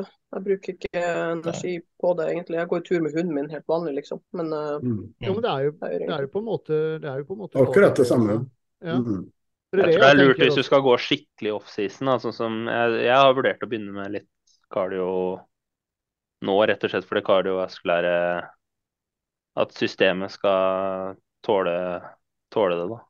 Hjertet også, ikke sant. Ja. Tommy, kjør, Mm. Tommy kjørte mye cardio. Ja. Han Mm. kjørte cardio Men husk- hver tror jeg. husk nå at tung styrke altså Hjertet får kjørt seg, liksom. Jeg, med, Mm. på mine blodprøver jeg er som en toppidrettsutøver, liksom. Jeg gjør ikke cardio. Jeg driver ikke og springer, ingenting. Mm. Det er jo ikke sånn at den styrketreninga vi gjør, den, den hjelper hjertet. Ikke sånn at du må ja, på nei. mølla for at det skal liksom Men jeg tenkte, eh, jeg er tenkte en mer på restitusjon og innhenting. Altså at man har litt mer å gå på. Jeg følte at jeg hadde mer å gå på på styrkeøktene ved at jeg faktisk hadde litt Altså at jeg kunne kjøre en halvtime med hele kroppen på, på ellipsemaskin, f.eks. Mm. Ja. Jeg vet ikke. Jeg, jeg, jeg selv går jo Eller jeg har jo sånn skrittmåler på telefonen. Da. Det blir fort en sånn 10 000-12 000 skritt hver dag. Eh, prøver å få til en skogstur med bikkja hver dag. Og da er det liksom masse oppoverbakker og får opp pusten bra. Så som litt som Jostein sier, at jeg, jeg kjenner for, eh, framfor alt når du kjører liksom litt større muskelgrupper, som bein og sånne ting, at da pusten blir mye bedre. Du klarer på en måte å presse deg hardere når, når kondisen er litt bedre. da. Mm. Mm. Og det kan Jeg følte at det var mye, mye mer behagelig å kjøre harde beinøkter Ja, når jeg ja, hadde ja. litt å gå på. Også. Ja, ikke sant? Du, du blir liksom ikke spyferdig etter ett sett, på en måte. Og så er det Mm. noe med det at hvis du skal feile på et sett, så er det jo muskulær eh, Den muskulære utholdenheten du vil skal ryke først, ikke den kardiovaskulære. eh, Nettopp. Så at ikke du skal måtte gi deg pga. pusten, da, men at du gir deg pga. nettopp. Men det er jo sikkert, Hvis jeg hadde hatt det sånn, så måtte jeg ha gjort noe. Men sånn har jeg det ikke. Nei, men sånn Som jeg snakka om før, jeg kan springe etter bussen og ikke andpusten engang. Så hvis jeg Men jeg tror jeg det mer- så Da Jeg venter tror jeg på neste buss. mange, mange som veier litt sånn som 110-20-30, så sliter man litt mer med sånne typer. Ja, altså særlig sånn Se, det for deg øvelser hvor du enten har sånn chest supporta ryggøvelser hvor du sliter med å få pust, eller Mm. pendulum, sånn hack squat hvor du står litt sånn fastlåst da med kanskje litt Ja. begrensa Du står nesten og holder Du skår, står nesten og holder pusten da, gjennom hele settet. Mm. Mm. Tenk på skulderpress foran hvis man kjører skikkelig tung skulderpress foran. Altså, Ja, det var en det var en- helt sånn- Å, fy faen, det var helt ødelagt i pusten. Altså. Ja. Jeg er ekstremt opptatt av å puste riktig. Jeg holder ikke pusten, men, men der blir det veldig vanskelig, for du får jo trykk mot lungene. på. Ja. Mm. Det er det jeg mener. Hvis jeg hadde hatt det sånn, så hadde du kanskje vurdert å gjøre noe. Men har det ikke sånn. Så Nei, nei. Mm. liksom. Så merker man jo tyngre man blir, jo mer energi bruker du på de vanlige tinga, som å gå eller you name it. Jeg har jo sett det før når jeg var proff. Altså, jeg var med og gikk tur med noen proffer som klarte jo nesten ikke å gå. Altså. Mm. Altså, det gikk så sakte at det var jo Jeg tenkte herregud, det her er Jeg brukte et uttrykk du har blitt for tung for deg sjøl. Altså, man har blitt så tung at man klarer ikke å fungere normalt, på en måte. Og det kan ikke være noe særlig helsemessig, altså. Jeg husker, jeg husker jeg var på et seminar med, med Tommy Thorvildsen på Partnergym i kan det ha vært, Jo, det var 2002. Det var rett før han skulle være med på Olympian. Han, han satt og svetta noe så jævlig, hadde med seg en svær vifte. det var vel jeg Kan ha vært en fire-fem måneder før Olympian. Så han var jo godt, godt off season, og han satt og pusta og pesa og svetta som en gris. Jeg tenkte bare det der ser ikke bra ut, altså. Inspirerende. Du spiser, ja, du, du spiser så mye Sånn vil jeg bli. Kroppen jobber, kroppen jobber konstant. Da. Høres ut som drømmelivet. Ja, virkelig. For, for, for spesielt interesserte. Ja, det glemmer jeg aldri. Jeg, tror- jeg tror når du er ung og vil dit, så er ikke det du frykter. altså. Du ser bare scenebildene. Tungpusta når du er 130 kilo, liksom. Du, du vil bare opp dit. Jeg tror Tommy han var, jeg tror han var over 130 år. Jeg tror han var nærmere 140. Ja, han har vært tung. Han har vært på Ja, 100, ja. 140 eller noe sånt. Han var stor, altså. Og rund i trynet. Ja, ja, ja. Han hadde liksom rute på magen, men liksom trynet det var liksom som en ballong. Du drar så jævla mye væske på den karmen vet du, at uh... Ja, ja fy faen. Um... Dan, Mm. hvor mye hardere skyter du nå i innebandy, med tanke på at du har fire ganger så store armer og er gorille? Ikke rørt kølla på mange år. Nei, jeg hørte feil. Men uh,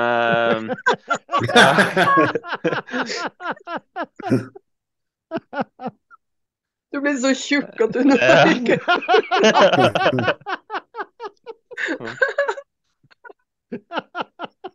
må ha sånn speil for å se at det går bra med den. Nei, uh, jeg har faktisk sånn Innimellom så savner jeg jo det å drive med sånn idrett og sånn, men uh, det er vel som du sa, jeg husker du hadde Runar på, på podden for et par uker siden, og han hadde gjort comeback på fotballbanen 40, eller hva det, 30-40 kilo tyngre enn sist. Ja. Og det Jeg spilte faktisk i fjor sommer, så spilte jeg en sånn fotballkamp i noen sånn der bedrifts- eh. Det var ett ett drag, og så bytte. Nei, det Du blir så du egner deg, du egner kun til det, akkurat det man driver med. Ja, altså man én vending, så kjenner du det i korsryggen, og så en vending til, så ryker Ja, nei. Tror jeg skal holde meg litt unna den Uh... Alle som Ja. hører på. Det her er liksom Det her er målet, liksom. Du Ja, men jeg annet. Jeg har fått, jeg har fått så respekt for de open Ja, og de tungvektsbyggerne, da. Eh, Etter å liksom Man begynner å liksom kjenne litt på kanskje hva de eh, står i, da. Det, det er jobb, altså. Jeg husker for, for mange mange år tilbake når jeg var, jeg var ganske bra seis, og sønnen min han drev med noe sånn eh, på friidrettsbanen. Og så drev de med sånn lengdehopp. Og jeg visste jo at jeg hadde jo ganske bra spenst i forhold til styrka i beina og sånt. Og jeg har jo drevet med, jeg har jo drevet med friidrett sjøl også. Og så tok jeg med fart for å vise de gutta hva, hva det her, hvordan det skulle gjøres. da. Jeg kjente allerede i lufta når jeg sparka fra, så, så kjente jeg fikk strekk på begge, begge låra, bakside låra. Og jeg så Mm. stjerner. Jeg tenkte fy fader, altså nå Du egner kun til å stå på en scene og trene vekter, liksom. That's it. Det er derfor det er nesten farlig å gjøre noe annet. Det er sånn risikosport. Faen, det er så store Ja, ja. kropper, det går galt, liksom. Men det, alle sånne skader du ser på, på bygger og sånn, det skjer jo nesten når de gjør noe som er utenom, Ja, ja. utenom normalen, da, utenom treningsøkter. Mm. Det er bare de skal, jeg skal bare prøve noe, eller jeg skal bare hoppe Jeg ødela jo ødela kneet Ja. i går. Jeg. Spilte padel. Skulle hoppe som karatekick over eh, nettet. Som jeg har gjort 100 ganger før. Og idet jeg satser, så kjenner jeg de gamle betennelsene som jeg trodde var i hvert fall litt bedre. Så bare Mhm. kneper seg til, og da sliter jeg. Ja, nå klarer jeg så vidt å gå. Ah, Ikke sant. Ja, det er som Jostein sier, det er, eh, klar, er helt ubrukelige til alt annet enn det vi Ja, driver med. ja. Det er spesialisering de luxe. Ja. Ja, virkelig. Og dess tyngre man blir, og dess større man blir, dess verre blir det. Skal vi se.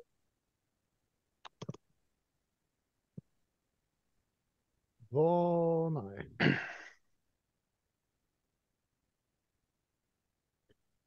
Om dere hadde vunnet f.eks. eurojackpot på 100 millioner, hva hadde dere brukt penger på? Investert i eiendom. Alt sammen? 100 millioner? Nei. Nei. 60? Ja, jeg er blitt så gammel at jeg hadde bare brukt opp den. Jeg har ikke rekt å få den. Du, hadde, du hadde ikke rukket å bruke det opp engang? Jeg bare brukt opp dem i tilfelle, liksom. At, eh, kunne satt av ti mil kanskje til den investeringen. Leve i nuet. Må jo gi til veldedige formål. Nei, det er som alle sier. Jeg hadde kjøpt meg en leilighet, i hvert fall. Ja. Jeg tror jeg hadde kjøpt, gjort litt som oss i og kjøpt mange leiligheter. Ja. Leid ut. Ja. Mm. Et helt sånn utleie, utleiekompleks hvor du kan være bakmester. I hvert fall har i hvert fall kjøpt starta eget gym, hadde- nei, bare for nei, å ha. ja, eller i i hvert fall bygd seg et eget gym. Kjøpt den Ja. fete, rå leiligheten og, eller huset eller whatever, og så bygd det sinnssyke gymmet. Jeg 100 tenker mil sånn, er hvis mye, jeg skulle hatt, ja, hvis jeg hadde hatt 100 mil, så hadde jeg nok ikke jobba jobba. Det hadde kanskje vært gøy å bare drive etter gym som du bare har et sted å dra og bruke tida på. Mm. Ved siden av de andre tingene man gjør. Og kjøpt alle de maskinene man vil ha. Akkurat de konkrete maskinene Mhm. man vet eh, Tenk så bra gym det hadde vært, da. Men bare som 100 millioner, det er sånn, sånn sinnssyk sum. Så det er liksom, det går, du skjønner ikke hvor mye penger det er engang. Da kan du lage garderobe til alle. Alle kan ha hver sin garderobe. ja. Problemet er løst. Hva med bil og sånn? Er det ingen av dere som er sånn bilgal? Jostein, du er litt bilgal. Jeg er bilgal. Ja. Ja. Det hadde garantert blitt en bil til fem-ti mil, ja. Så Hva, eh, hva, hva hadde det blitt? Er er det noen sånn favoritt? Ja, altså Pga. det kneet så kan jeg ikke bruke hva som helst. Det måtte ha blitt en SUV, da. Hva er da? eh, Nei, den var jo ålreit, den eh, Lamborghini som vi kjørte nedover til Italia. Det var ikke å forakte den. Så nå har du en ny Ferrari som kommer med SUV også. Den ser jo rimelig heftig ut. Ja. Jeg liker den, Jeg den den eh, den til Mercedes, den bra buss. Noe sånt noe. Jeg. Eh, jeg har jo kjørt en del sånn G6. Ja, Ja, ikke den er, den er ikke god å kjøre i det hele tatt, altså. Er, er det ikke det? Nei. Ser bra ut, da. Ja, den ser jævlig Den, bra ut. den er kul og ser bra ut, og sinnssvakt rå lyd på den. Og spesielt den G63, men det, Ja. jeg hadde, jeg, sånn, sånn bil hadde jeg ikke villet hatt. Hoppe over Men, på eh, motorsykkel. Ja, motorsykkel har jeg skulle også det har, Jeg har jo Harley fra før, men jeg hadde blitt noe heftigere enn det jeg har nå. Jeg henter en ny i morgen. Ja. Oh, Fikk nå har du kjørt? telefon nå. MT07. 700 kubikk. Ja, til Yamaha. MT09. Jeg vurderte det òg, men uh... Jeg måtte levere den tilbake, for at jeg klarte ikke å bøye knærne selv mer, så jeg måtte over på Harley. da. ja. Mannfolkesykkel. Kan ikke ha dårlige skuldre da når du sitter sånn og kjører. Nei, jeg sitter Jeg fikk ikke så sånn. mye kjeft Jeg fikk så mye kjeft at jeg satt sånn. Jeg sa det, jeg klarer ikke å sitte der. Men Det er ikke behagelig å kjøre med sånn smalt styre, altså. Nei. Men akkurat den på MT07 var det som akkurat passer for meg. Men jeg fikk jo mye Mm. tilsnakk.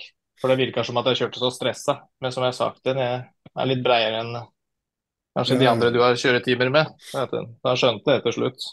Du får kjøpe et bredere styre på den, eh, Oskar. Ja. Det er sånn som du kan dra ut etter hvert som du blir større. Det var dyrt, si. Jeg personlig har aldri vært noen bilgal. Jeg har liksom ikke noe sånn Selvfølgelig, selvfølgelig, om jeg hadde hatt 100 millioner, selvfølgelig hadde jeg gått, gått og kjøpt meg en kul bil, men, men jeg vet ikke faen hva jeg hadde, hva jeg hadde kjøpt. Jeg har ingen aning. Jeg syns cabinen min som jeg har, er dritkul.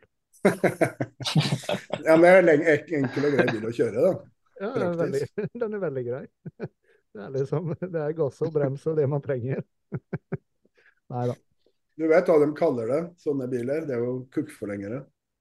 Kanskje ikke du trenger det, Andreas? Nei, Det er de som sant? kjører rutebuss, det. Det er, det, er, det er kanskje noe med det. Jeg vet ikke. Jeg mener, nå når jeg ser eh, Knut han kjøpte seg en Lamborghini nå, jeg mener Selvfølgelig det hadde vært jævla kult å ha en Lamborghini. I hvert fall når det er så mye penger. Mm. Jeg vet bare ikke hva jeg skulle brukt den til. Kjøre til Kjørt. gymmet fram og tilbake. Kjøpe en uh, Urus. Da har du en SUV. Det var det vi kjørte ned til Italia, Hurus. Mm. Vi satt og kjørte hele dagen, du merka ingenting i ryggen. Ble ikke sliten. Det var helt sinnssykt. Altså. Det var rått. Og flytte på seg noe helt jævlig òg, tenker jeg. Ja, det var, eh, var et par anledninger som jeg kjørte sjøl og så. Du kom litt seint inn mot veien, og det kom en trailer der der du måtte virkelig kicke den. Og da det reagerer godt. Flytter godt på seg. Ja. Mm. Det er helt sprøtt. Uh, vi tar en reklame. Jeg må gå og pisse. Har du sjekket ut nyhetene til eh, Superswole? Nå har de i tillegg til de humoristiske og selvironiske trøkkene også kommet med skikkelig tøffe og kule motiv. Som du da kan få på uh, alt fra T-skjorta eller tanktoppen din til eh, kaffekoppen. Jeg skal ta og gå inn og vise litt her hva de har. Her da nettsida til Superswole, superswole.no. Uh, og her kan du bruke kode Gymbros20, så får du 20% rabatt på hele sortimentet. Jeg skal ta og gå inn og kikke litt på T-skjorter her. Som dere ser, et veldig stort og bredt eh, utvalg. Alle finner noe de liker. Her har de uh, litt sånn selvironiske, litt artige trøkkene. Eh, og det kommer i forskjellige farger. Også forskjellige størrelser. Alt fra ekstra small opp til dobbel XL. Om vi kikker videre, så ser vi her de eh, nyere trøkkene, som er litt tøffere, med litt sånn dødningshoder, djevelsfigurer. Litt sånn ondskap over det. Det er sånn som jeg liker. Så jeg ser at jeg må eh, opp, eh, oppdatere kolleksjonen min litt. Iron Made Me, den må jeg seriøst ha. Gammel Iron Maiden-fan som jeg er. Kommer også sagt i masse forskjellige farger. Videre har de gensere. Tanktopper. Og her får du da eh, samme trøkkene. Shortser kommer snart. Eh, går å forhåndsbestille nå. De har også kopper. Og det er da med samme type trykk.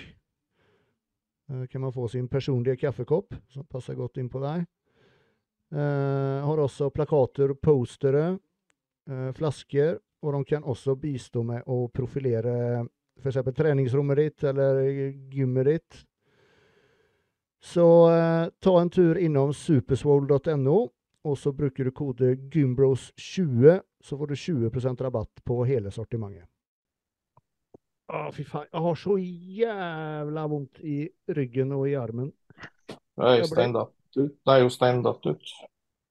Ja. Ja, der frøys han igjen. Ja.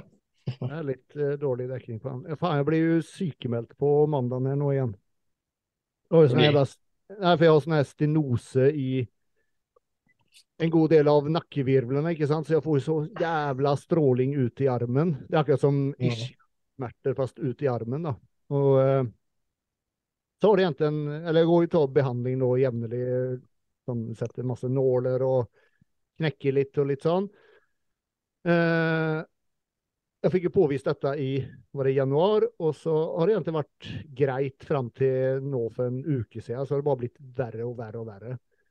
Mm. Nå da, som nå da, så sitter jeg her i ro i en time, halvannen, ikke sant? og så reiser jeg meg opp og beveger meg litt. Og det er akkurat som før jeg på en måte eh, Hva skal jeg si Jeg får beveget meg litt, og så er det så i helvete vondt. Det bare skyter ut i armen. Ja. Så jeg var hos legen i dag og fikk eh, skrevet ut noen heavy jævla eh, smertestillende drit som jeg bare er nødt til å ha på eh, Framfor alt morgenen og kvelden, da. Ja. Så Og det er liksom ikke, Det er ikke noe bra. Nei, nei. Eh, ikke i det hele tatt. Og det er egentlig ingenting å gjøre med det. Eh, det eneste er da at når jeg har blitt sykemeldt, håper jeg at det roer seg ned da mens disse ukene. Eh, og hvis Men hvis, hvis ikke det blir- bedre, så er det liksom operasjon eneste utveien. Men hvordan er, er diagnosen med det, hvis du skulle operere? Er det sånn som kan komme tilbake? Er det lang recovery? Både, både og. Det, det, det er liksom ikke helt gitt at det blir bedre. Men akkurat sånn som det er nå, sånn kan jo bare ikke gå for å bli gæren. Mm. For det er altså sånn, akkurat som Ishia, som det, dere har vært borti noen gang, fast ute i armen, da. Ja. Um, så eh, nei, det er ikke noe særlig, altså. Så ikke gjør som eh, meg, ikke eh, fortsett å kjøre ting på gymmet når det gjør vondt. Stopp litt før. Jeg har lært nå, tror jeg. Ja, Jeg lærte når det brystrøyk. ja, ja ikke sant? Det må noe sånt til da, før man skjønner det. Mm. Det man, Ja. Man, eh, man må erfare det sjøl. Ja, dessverre. Jeg har er faktisk snakka med leger nå. Jeg skal få noe tilbud, eller ikke tilbud, men noe vurdering på det med brystet. Ja, går, det å, går det å gjøre Mm. noe med noe sånn i ettertid? Ja. Altså, det går De må jo selvfølgelig se på det, for jeg spurte de faktisk i går. Mm. Det var åh, Ava, Nei, ikke Avancia. Hva er det heter? Ja, Aleris. Eh, Aleris, ja. Der snakka jeg med kirurg, eller en annen dame i resepsjonen. Hun prata med en kirurg for meg, da. Og da sa hun det jo, da. Det er fire år siden det røyk, men hun sa det, det skal gå. Så lenge det er noe ting på måten den er avrevet på. Men måten jeg beskrev det på, så mente du at det skal gå helt fint. Men la oss si det ikke skulle funke, eller at det ryker igjen, eller you name it, så finnes det sånn muskeltransplantasjon. Akkurat sånn, nesten som silikon. Men det får du ikke gjort i Norge. Da må du til Øst-Europa. Yes. For det har jeg sett folk gjøre, og utøvere. Jeg ser det bra ut da, liksom? Ja, det ser helt normalt ut. Det er bare Ja. Jeg husker Er det- ikke hvordan, hva slags stoff de bruker, men jeg har lest, eller lest på det, og så har jeg vært i kontakt med de med en sånn klinikk. Mm. Ganske kjent. Og det, men jeg husker bare ikke navn på ting. Det er laga noe stoff som det skal være fylt ut i muskelen. Og etter hvert så gror det på det måte inn. Det blir fast på at det oppå muskelen. Å ja. Ikke at det blir en muskel, men at det blir fast der, at det ikke flytter seg. Det er det jeg lurte på. Hva skjer hvis jeg skulle fått større eller mindre bryst? Det er ikke sånn oss. på en måte. Nei. Skulle si det er sånn byggskum. Byggskum Ja. Ja. ja, ikke sant? Det er akkurat sånn silikon. Er det, det er noe, de bruker noe annet enn silikon. Men er, er det, hvordan er det i konkurranse, det, da? Er ikke det For du får jo ikke lov å ta sånn syntol eller sånn, da? Blir man ikke trukket for det? Hvis man har Ja, Men hvordan skal de vite det?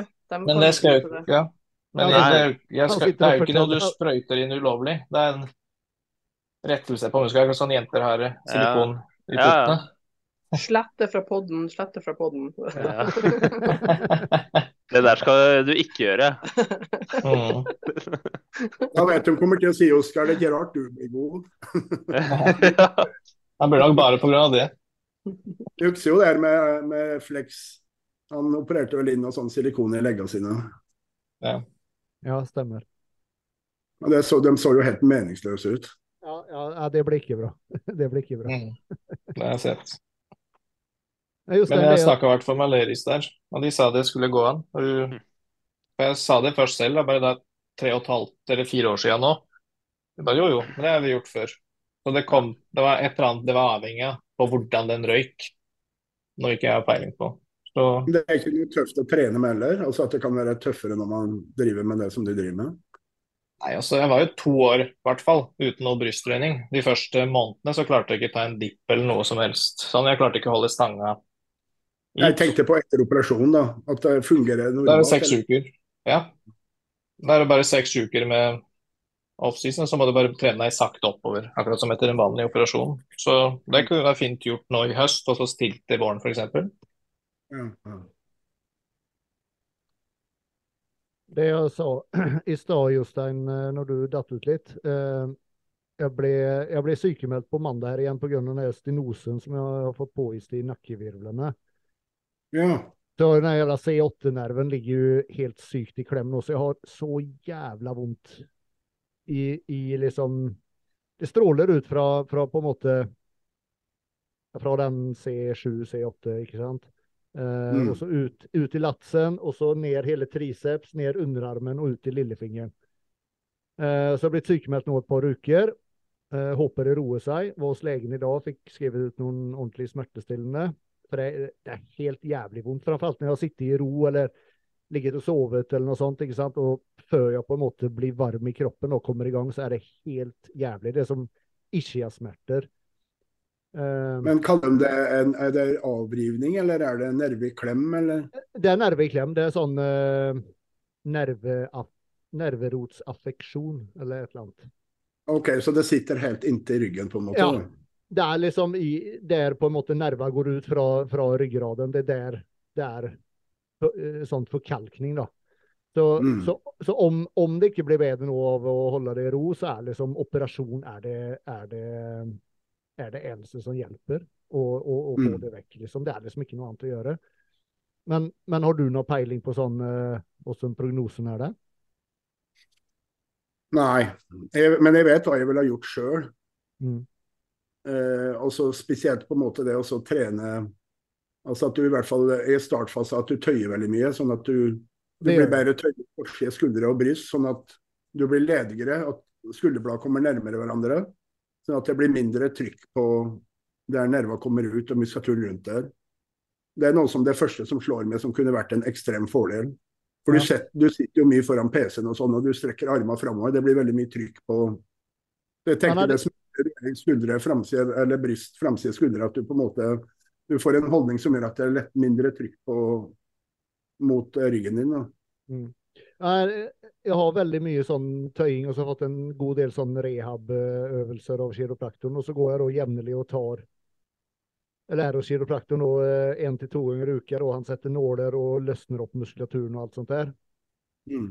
Men, eh, men nå i det siste da, så har det, det har ikke hjulpet. Det har bare blitt verre og verre og verre. og verre. Mm. Det er jo ganske komplisert, altså. Ja, det, er- det er et helvete, i hvert fall. Så, eh, og det, det som er litt morsomt, eller morsomt, det er den, den, eh, den nerveklemmingen, da, den er, den er jo akkurat det der jeg har lagt knebøystanga. ikke sant? Jeg har en sånn svær jævla kne, knebøykul, ikke sant? Og det er der den, på en måte, den kompresjonen er, da. Der kan det kanskje ha danna seg litt ekstra brusk også. Ja, det har det. Så Mm. ikke kjør tung knebøy, Dan. Har jeg slutta med det. Jeg Jeg, jeg, kjørte med, jeg kjørte jo alltid med pute. Pute rundt stanga. Jeg syns det er så jævlig ubehagelig.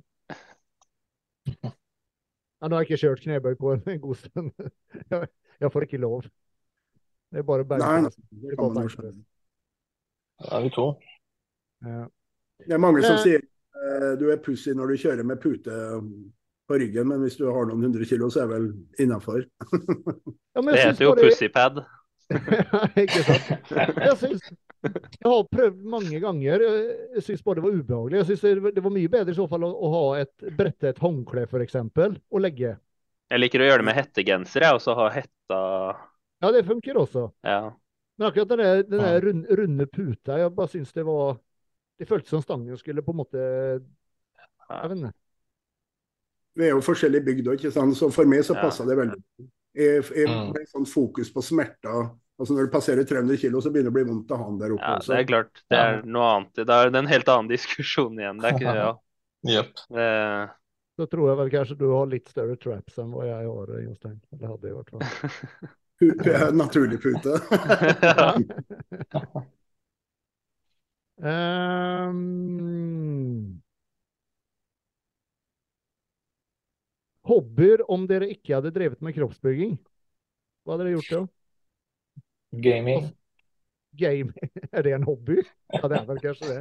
Jeg. Men du, Det er hvis man er hobby. men du driver vel med gaming nå også, ved siden av? Ja, hvis jeg har tid. Det har vært lite av det nå de siste månedene, men det det vil er si sånn om, perioder. så om du, så det vil si om du ikke hadde vært på gymmet, så hadde du sittet mye, mange flere mange fler timer foran PC-en og gamet? Jeg tror jeg hadde blitt lei, men uh, på papiret, ja. Det er sånn som folk blir lei av ting. Men gaming og styrketrening kan uh, trekke sine fellesnevnere, da. Jeg syns alle Mhm. byggere, byggere driver med gaming. Ja, men det er sånn jo mer tid du legger ned i det, jo bedre blir du. Og det er litt det samme som med trening. Og jeg sier ikke at jo mer trening er bedre alltid, men eh, det er den derre grinden, da. Om å Innsatsen. utvikle seg og bli bedre på ting og Mm. Men kan man ikke tjene jævla gode penger på det med gaming også? Da er det mer streaming, tror jeg. At du Ja. får Ah, okay. folk til å se på at du gamer. Og lure dem til å gi deg penger og sånn. Hva med deg, Dan? da? Hva har du drevet med? Innebandy? Nei, jeg er glad i gaming, jeg. Du, du også? Ja, ja, ja. Så um, Men jeg er jo et konkurransemenneske, da. Så jeg er ikke noe sånn gamingtalent. Så jeg måtte nå dreve med noe form for konkurranse på en annen måte. Ja, men om, vi, om vi tar at det må være noe, noe i forhold til idrett For gaming er vel ikke en idrett? Eller? Ja, det er jo e-sport, da. E-sport, ja. Det er jo dritsvært. Ja, ja, det Men tenker du en annen idrett da? Hvis man skulle holdt på med noe annet? Ja, jeg tenker at, at noe som ikke er, er PC-relatert, da. At det faktisk er noe fysisk. Noe fysisk man gjør.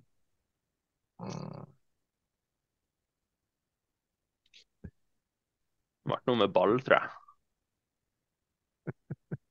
Det er der lønningene ligger, i hvert fall. Ja, spørs åssen ball, det. Ja. ja, ja sant. Innafor. da. Det har blitt kampsport, sikkert. Det har vært, ja.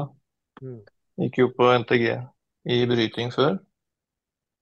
Du holdt på med bryting? Ja. Ah, kult. Hva, hva var spørsmålet? Hvilken annen idrett vi hadde holdt på med hvis vi ikke Ja, var her? ho- Hobby. hob hobby om, om uh, vi ikke hadde drevet med kroppsbygging. Samme for meg. Bryting eller sprangridning. Mm. Samme for deg. Oskar. Ritter. Jostein? Ja, du likte å se. Nei, altså, jeg, jeg, er ikke, jeg er ikke noen hobbymann. Jeg er sånn all in. Så jeg har jo drevet med friidrett og langrenn, så for meg så hadde den blitt fortsatt på langrenn, tenker jeg. For det handler Mm. kun om å konkurrere og gjøre nå målene sine. Men om du, Ja. la, la oss si at du hadde fortsatt med, med, med langrenn og, og friidrett og de tingene der. Hvor, Mm. hvor god, god med, med din, ditt mindset og liksom sånn hvordan du er, hvor langt tror du du hadde klart å nå? Jeg kunne i hvert fall nådd potensialet mitt, eller i nærheten, da, tenker jeg, i forhold til at jeg setter meg veldig godt inn i ting og, og skaper meg kompetanse og er villig til å gå all in. Uh, men problemet mitt når jeg gikk på langrenn, at jeg var veldig seint utvikla. Så jeg var jo biologisk alder på to-tre år under de andre, så jeg fikk jo ikke førsteplasser sånn som jeg ville ha. Jeg var liksom fjerdeplass og nedover i, i, i kretsmesterskap og sånn. Og det var jo grunnen til at jeg la jo ned når jeg var tolv år, så lå jeg på to timer om dagen med trening. Og jeg var jo ikke kommet til pubertet engang. Og det er klart at da jeg var jo 1,55 da jeg konfirmerte meg. Og Det gjør jo noe med en. Og, som, og det var ingen som kunne fortelle meg liksom at du er seint utvikla, så du må ha litt tålmodighet. på en måte. Mm. Jeg, jeg, har alltid konkurrert for å vinne, så jeg hadde et sånn ekstremt konkurranseinstinkt. Så det, det, er jo veldig vanskelig å si. Det er jo mye gener og sånn i dag òg, men jeg tror jeg i hvert fall kunne, kunne i hvert fall nådd bortimot potensialet da, på en måte, i, i forhold til at man er villig til å legge ned jobben. Du tror ikke at det har vært en fordel? da? At du har hele tida kanskje måttet jobbe litt hardere for ting? At den arbeidsmoralen har gjort at du ble så god som du ble? da? Ja, Det er noe jeg hadde for jeg var veldig ung, det her at jeg ville bli best. på en måte. Det har alltid ligget der. Og, ja. og, og, hvis jeg har gått inn i ting, så har jeg alltid villet gått inn 100 mm.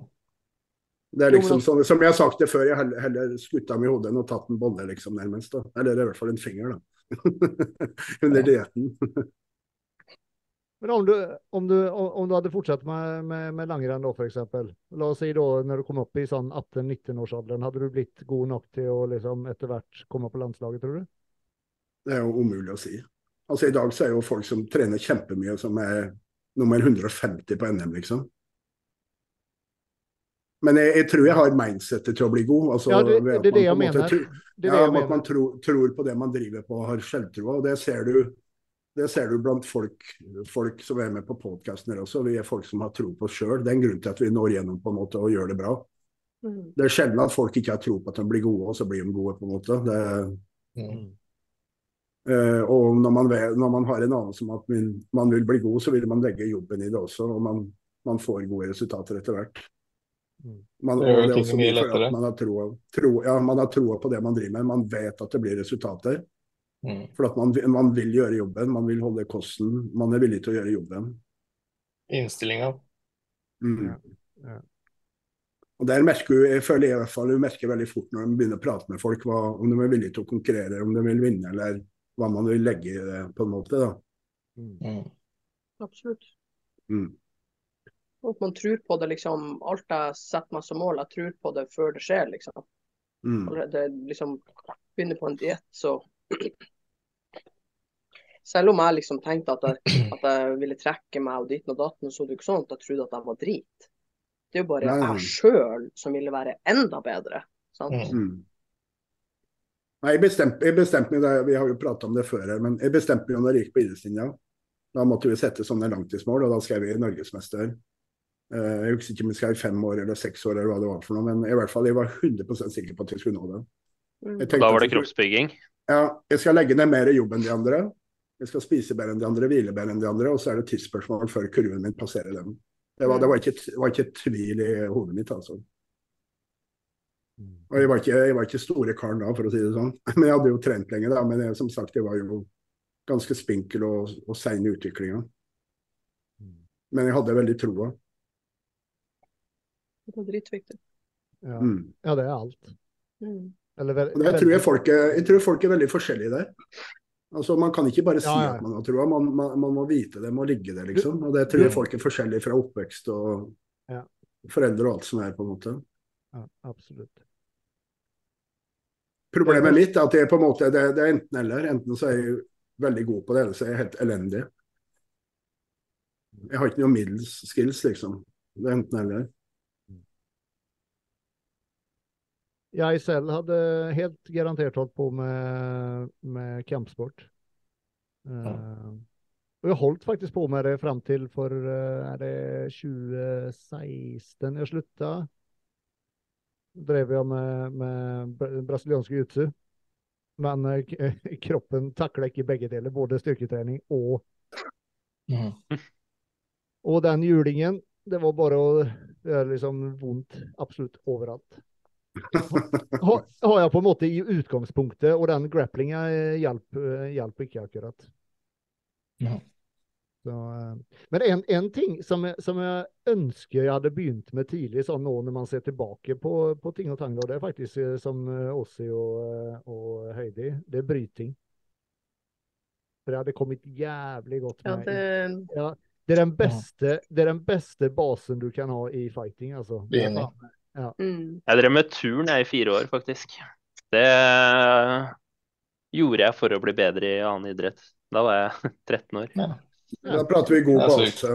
Turning, det er noe av det beste du Ja. har. Altså. Det var et annet regime, altså. Jeg husker eh, jeg spilte jo innebandy, fotball, håndball, turn og konkurrerte på langrenn samtidig eh, når jeg var 12-13 år. Og det var liksom turntreningene, det var regime og veldig sånn uh, strukturert, og der gjør du som du får beskjed om, mens veldig mye av det andre var mer sånn lystbetont og fokus på å ha det gøy og sånn. Ikke at det er noe galt i det, men du merker at de starter mye tidligere da, med den uh, strukturerte eh, treninga. Mm. Og da tenker jeg at turning i Norge går ikke sammenlignes med turning i f.eks. la oss si Kina, da. Eller noe sånt. Du kan tenke deg det regimet som er der, når du ser hvor jævla gode de er i turning. Der starter de jo før de blir født, så. Ja, ja, ikke sant? Vi var bare ta, ta det med, vi var jo på Arno Classic en gang, og da hadde en sånn gruppe Jeg husker ikke om det var kinesere eller hva det var for dem, men de hadde oppvisning i pause. Jeg bare åh, herregud, kan de ikke komme med noe annet? De var mellom fem og åtte. Ja. Det var noe av det råeste jeg noensinne har sett. Altså, De satt bare og gapte. Altså. Og de bodde på et sånt slott hele året. De fikk være hjemme en, en uke i året. Og Det var første gang Ja. de hadde vært utenlands, og da opptredde de på Arno Classic. Det er sånn munker eller noe sånt, eller? Ja, stemmer. stemmer. Ja. De hadde sverd, og det, det var helt, helt sinnssykt rått å se på. altså. Det var som å se på et sånt dataspill. Omtrent. Men man, sier, man sier vel det at, at turning kommer vel på en eh, Eller er vel rett foran bryting når det kommer til sånn tøffhet i, i, eh, i treningen, eller det, Ja. det, det, det regimet er, da. Eller som skal til for å bli, bli veldig, veldig, veldig god, da. Hun trener ekstremt mye, sånn Ja, mengde. sant? Jeg vet at jeg husker når jeg gikk på jeg gikk jo på sånn toppidrettsgymnas, og da var det også noen turner, og dem hadde vel stort sett hva jeg husker, sånn tre til fem timer hver eneste dag. Det er jo ikke sånn at Sånn det er også. de, de var liksom i den turnhallen ja, når de ikke var på skolen. Eller sov. Nei, Vi det er jo interessant, interessant å se at flere av oss som på en måte har nådd opp, vi har gått på idrettslinje eller eh, toppidrettslinje eller av oss Mm. som er med her, blant annet. Da. Det er jo interessant å se. Det er jo, det er jo en grunn til det, på en måte. At man er veldig interessert i det man, man driver med. og Mm. At han Så er det- den Og så er det jo veldig få som sikkert starter med kroppsbygging som kun har drevet med det hele livet, da. Det er jo, det er jo på en er måte noe du. Det er veldig få som, som starter og trener når de er åtte år og jeg skal bli kroppsbygger, Mm. liksom. Jeg tror gjerne flere av dem som blir best, det er jo dem som har vært gjennom litt sånn organisert idrett, og spesielt der du driver alene, da. Eller Mm. langrenn eller friidrett eller bryting, eller der du Kanskje ikke ballspill, f.eks., der du har et helt lag, men der du, har fullt, du sitter med fullt ansvar sjøl.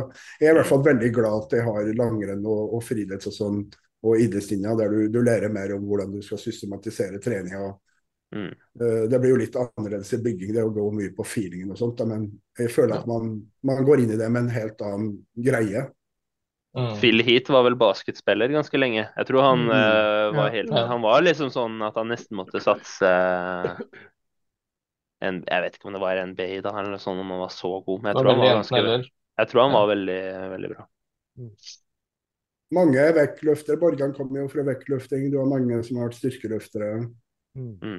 som har vært gjennom eh, systematisk trening i mange, mange år. Sant. Eh,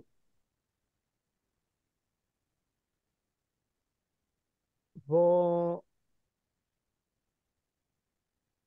Hva er den kleineste situasjonen dere har opplevd?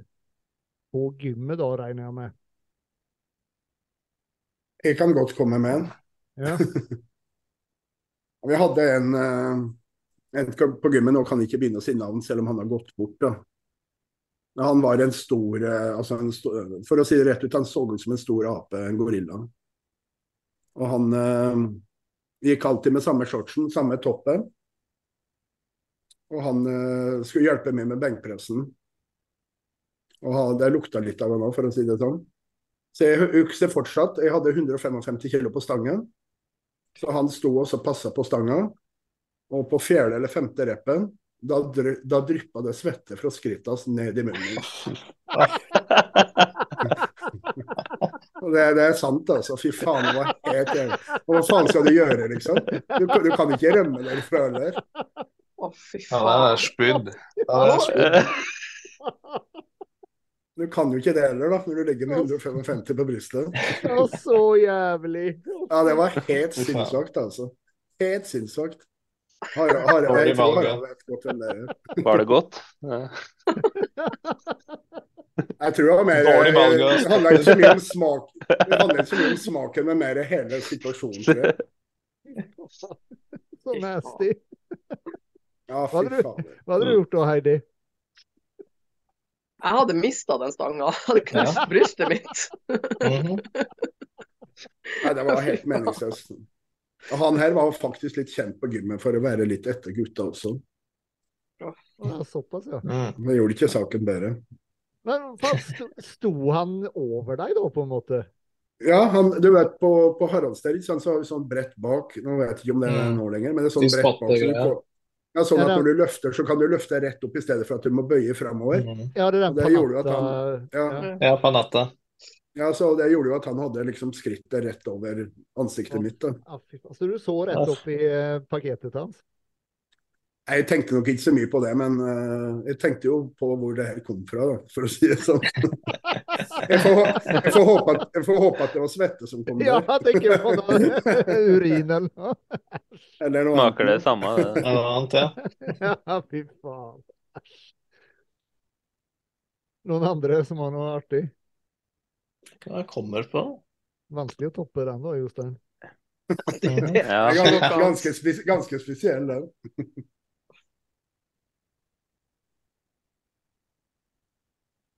Jeg klarer ikke å huske noe sånn skikkelig kleint på gymmet, egentlig. Uh. Det har vel for så vidt skjedd, skjedd de fleste. Man har vært på do, ikke sant? og så har det ligget noe papir eller et eller annet drit på gulvet, og så går du ut med papir, og så går du med det under skoa, ikke sant? Ja. Eh, Jeg har jo vært borti en annen episode som var litt ekkel, faktisk. Og det var når jeg trente i lag med Robbie Robinson. Da han eh, sto bak meg, jeg tror jeg kjørte med 220 kg i knebøy. Og så plutselig så var et eller annet som svikta. Og Robbie han sto rett bak meg, så jeg prøvde å rope til han. At Robbie, faen, du må flytte, liksom. Det, jeg klarer ikke. Og så slapp jeg vekta rett ned på kneet hans. Så han, altså du, ja, ja, rett på kneet. Så du så han sto og svimla som en sånn figur på en sånn komedie, ikke sant. Og jeg, altså, jeg, holdt på, jeg holdt på å begynne å le, for det var hele greia var så jævla komisk. Og han fikk jo kjempevondt. Han holdt på å svime av, faktisk. Så det var, det var det var siste gangen jeg hadde noen bak meg i knebøy, faktisk. Da var det slutt på det. Han ble, ikke fikk skada. avsmak på det.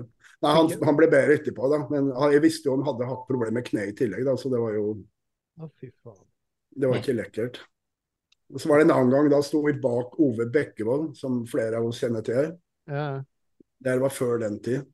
Og Ove han, han, går jo litt, han gikk jo veldig langt framover med ryggen. Han var veldig sterk i ryggen, så han løfta veldig mye med ryggen. Og så klarte han ikke å komme opp igjen, så jeg bøyde meg for langt fram og skumpa bort til rumpa hans. Så han gikk rett ned i bakken med, med vekta oppå ryggen. Så etter de to hendelsene der, så ville jeg verken hjelpe folk eller ha folk bak meg. Det er det beste. Dårlig experience. Nei, jævlig bra. Jeg har aldri likt å ha folk til å spotte meg etter den benkpressen heller, forresten. Det kanskje skada meg på Ja, det skjønner jeg jævlig godt. Det er traumer. Traumer for life. Ja, Det er bare at du husker den enn i dag, og det er vel noen år siden det skjedde, tenker jeg. det er noen år siden, og jeg har eh, delvis dårlig hukommelse fra den perioden. Men akkurat den der sitter veldig godt fast. Nei, ikke sant. Jeg tror den aldri blir glemt. Nei. All right. Eh, Noe annet vi bør nevne før vi tar kvelden? Dan, er det noe jeg har glemt å si i dag? Ja, det er det helt sikkert. Det pleier å være det. Nei da, det, det gjør ikke det, men eh,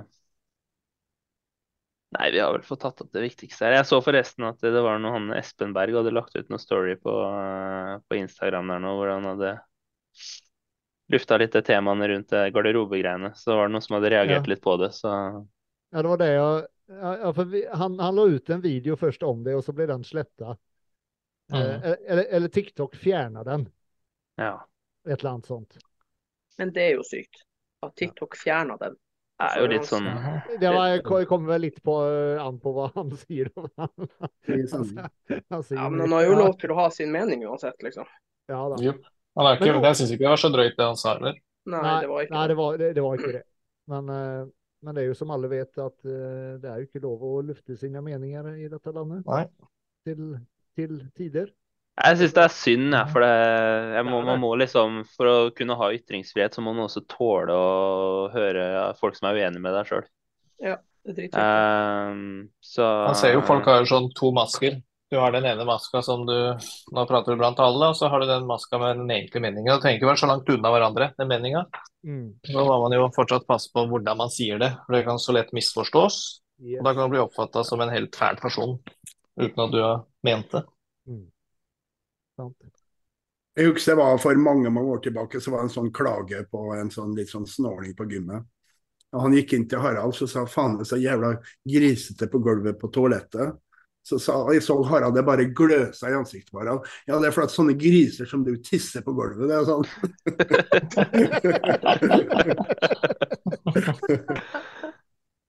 Han fikk høre det, altså.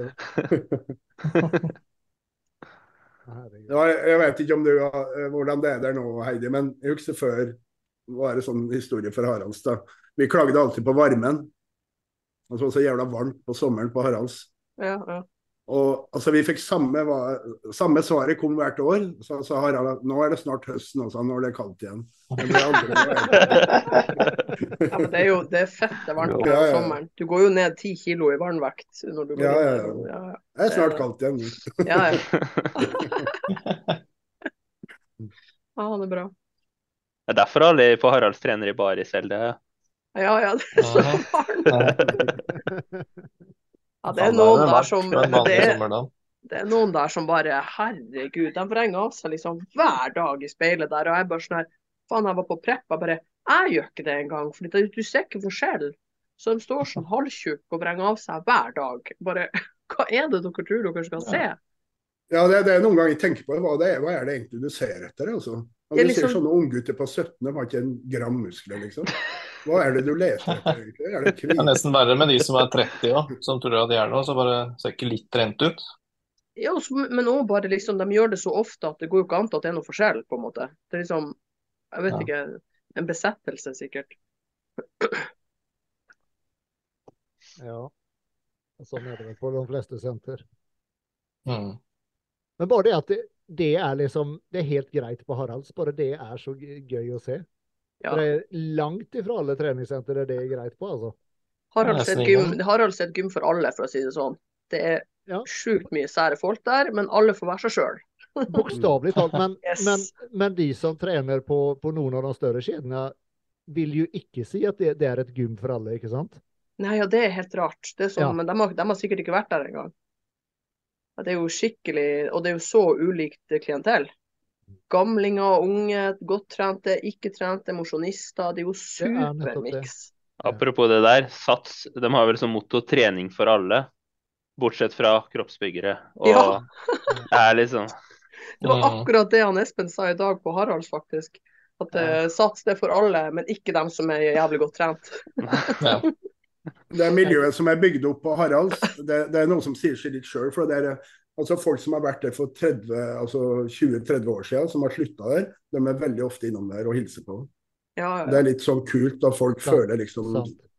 ja, Og- samhørighet og miljø og Og at det er folk som faktisk har vært der i 40 år.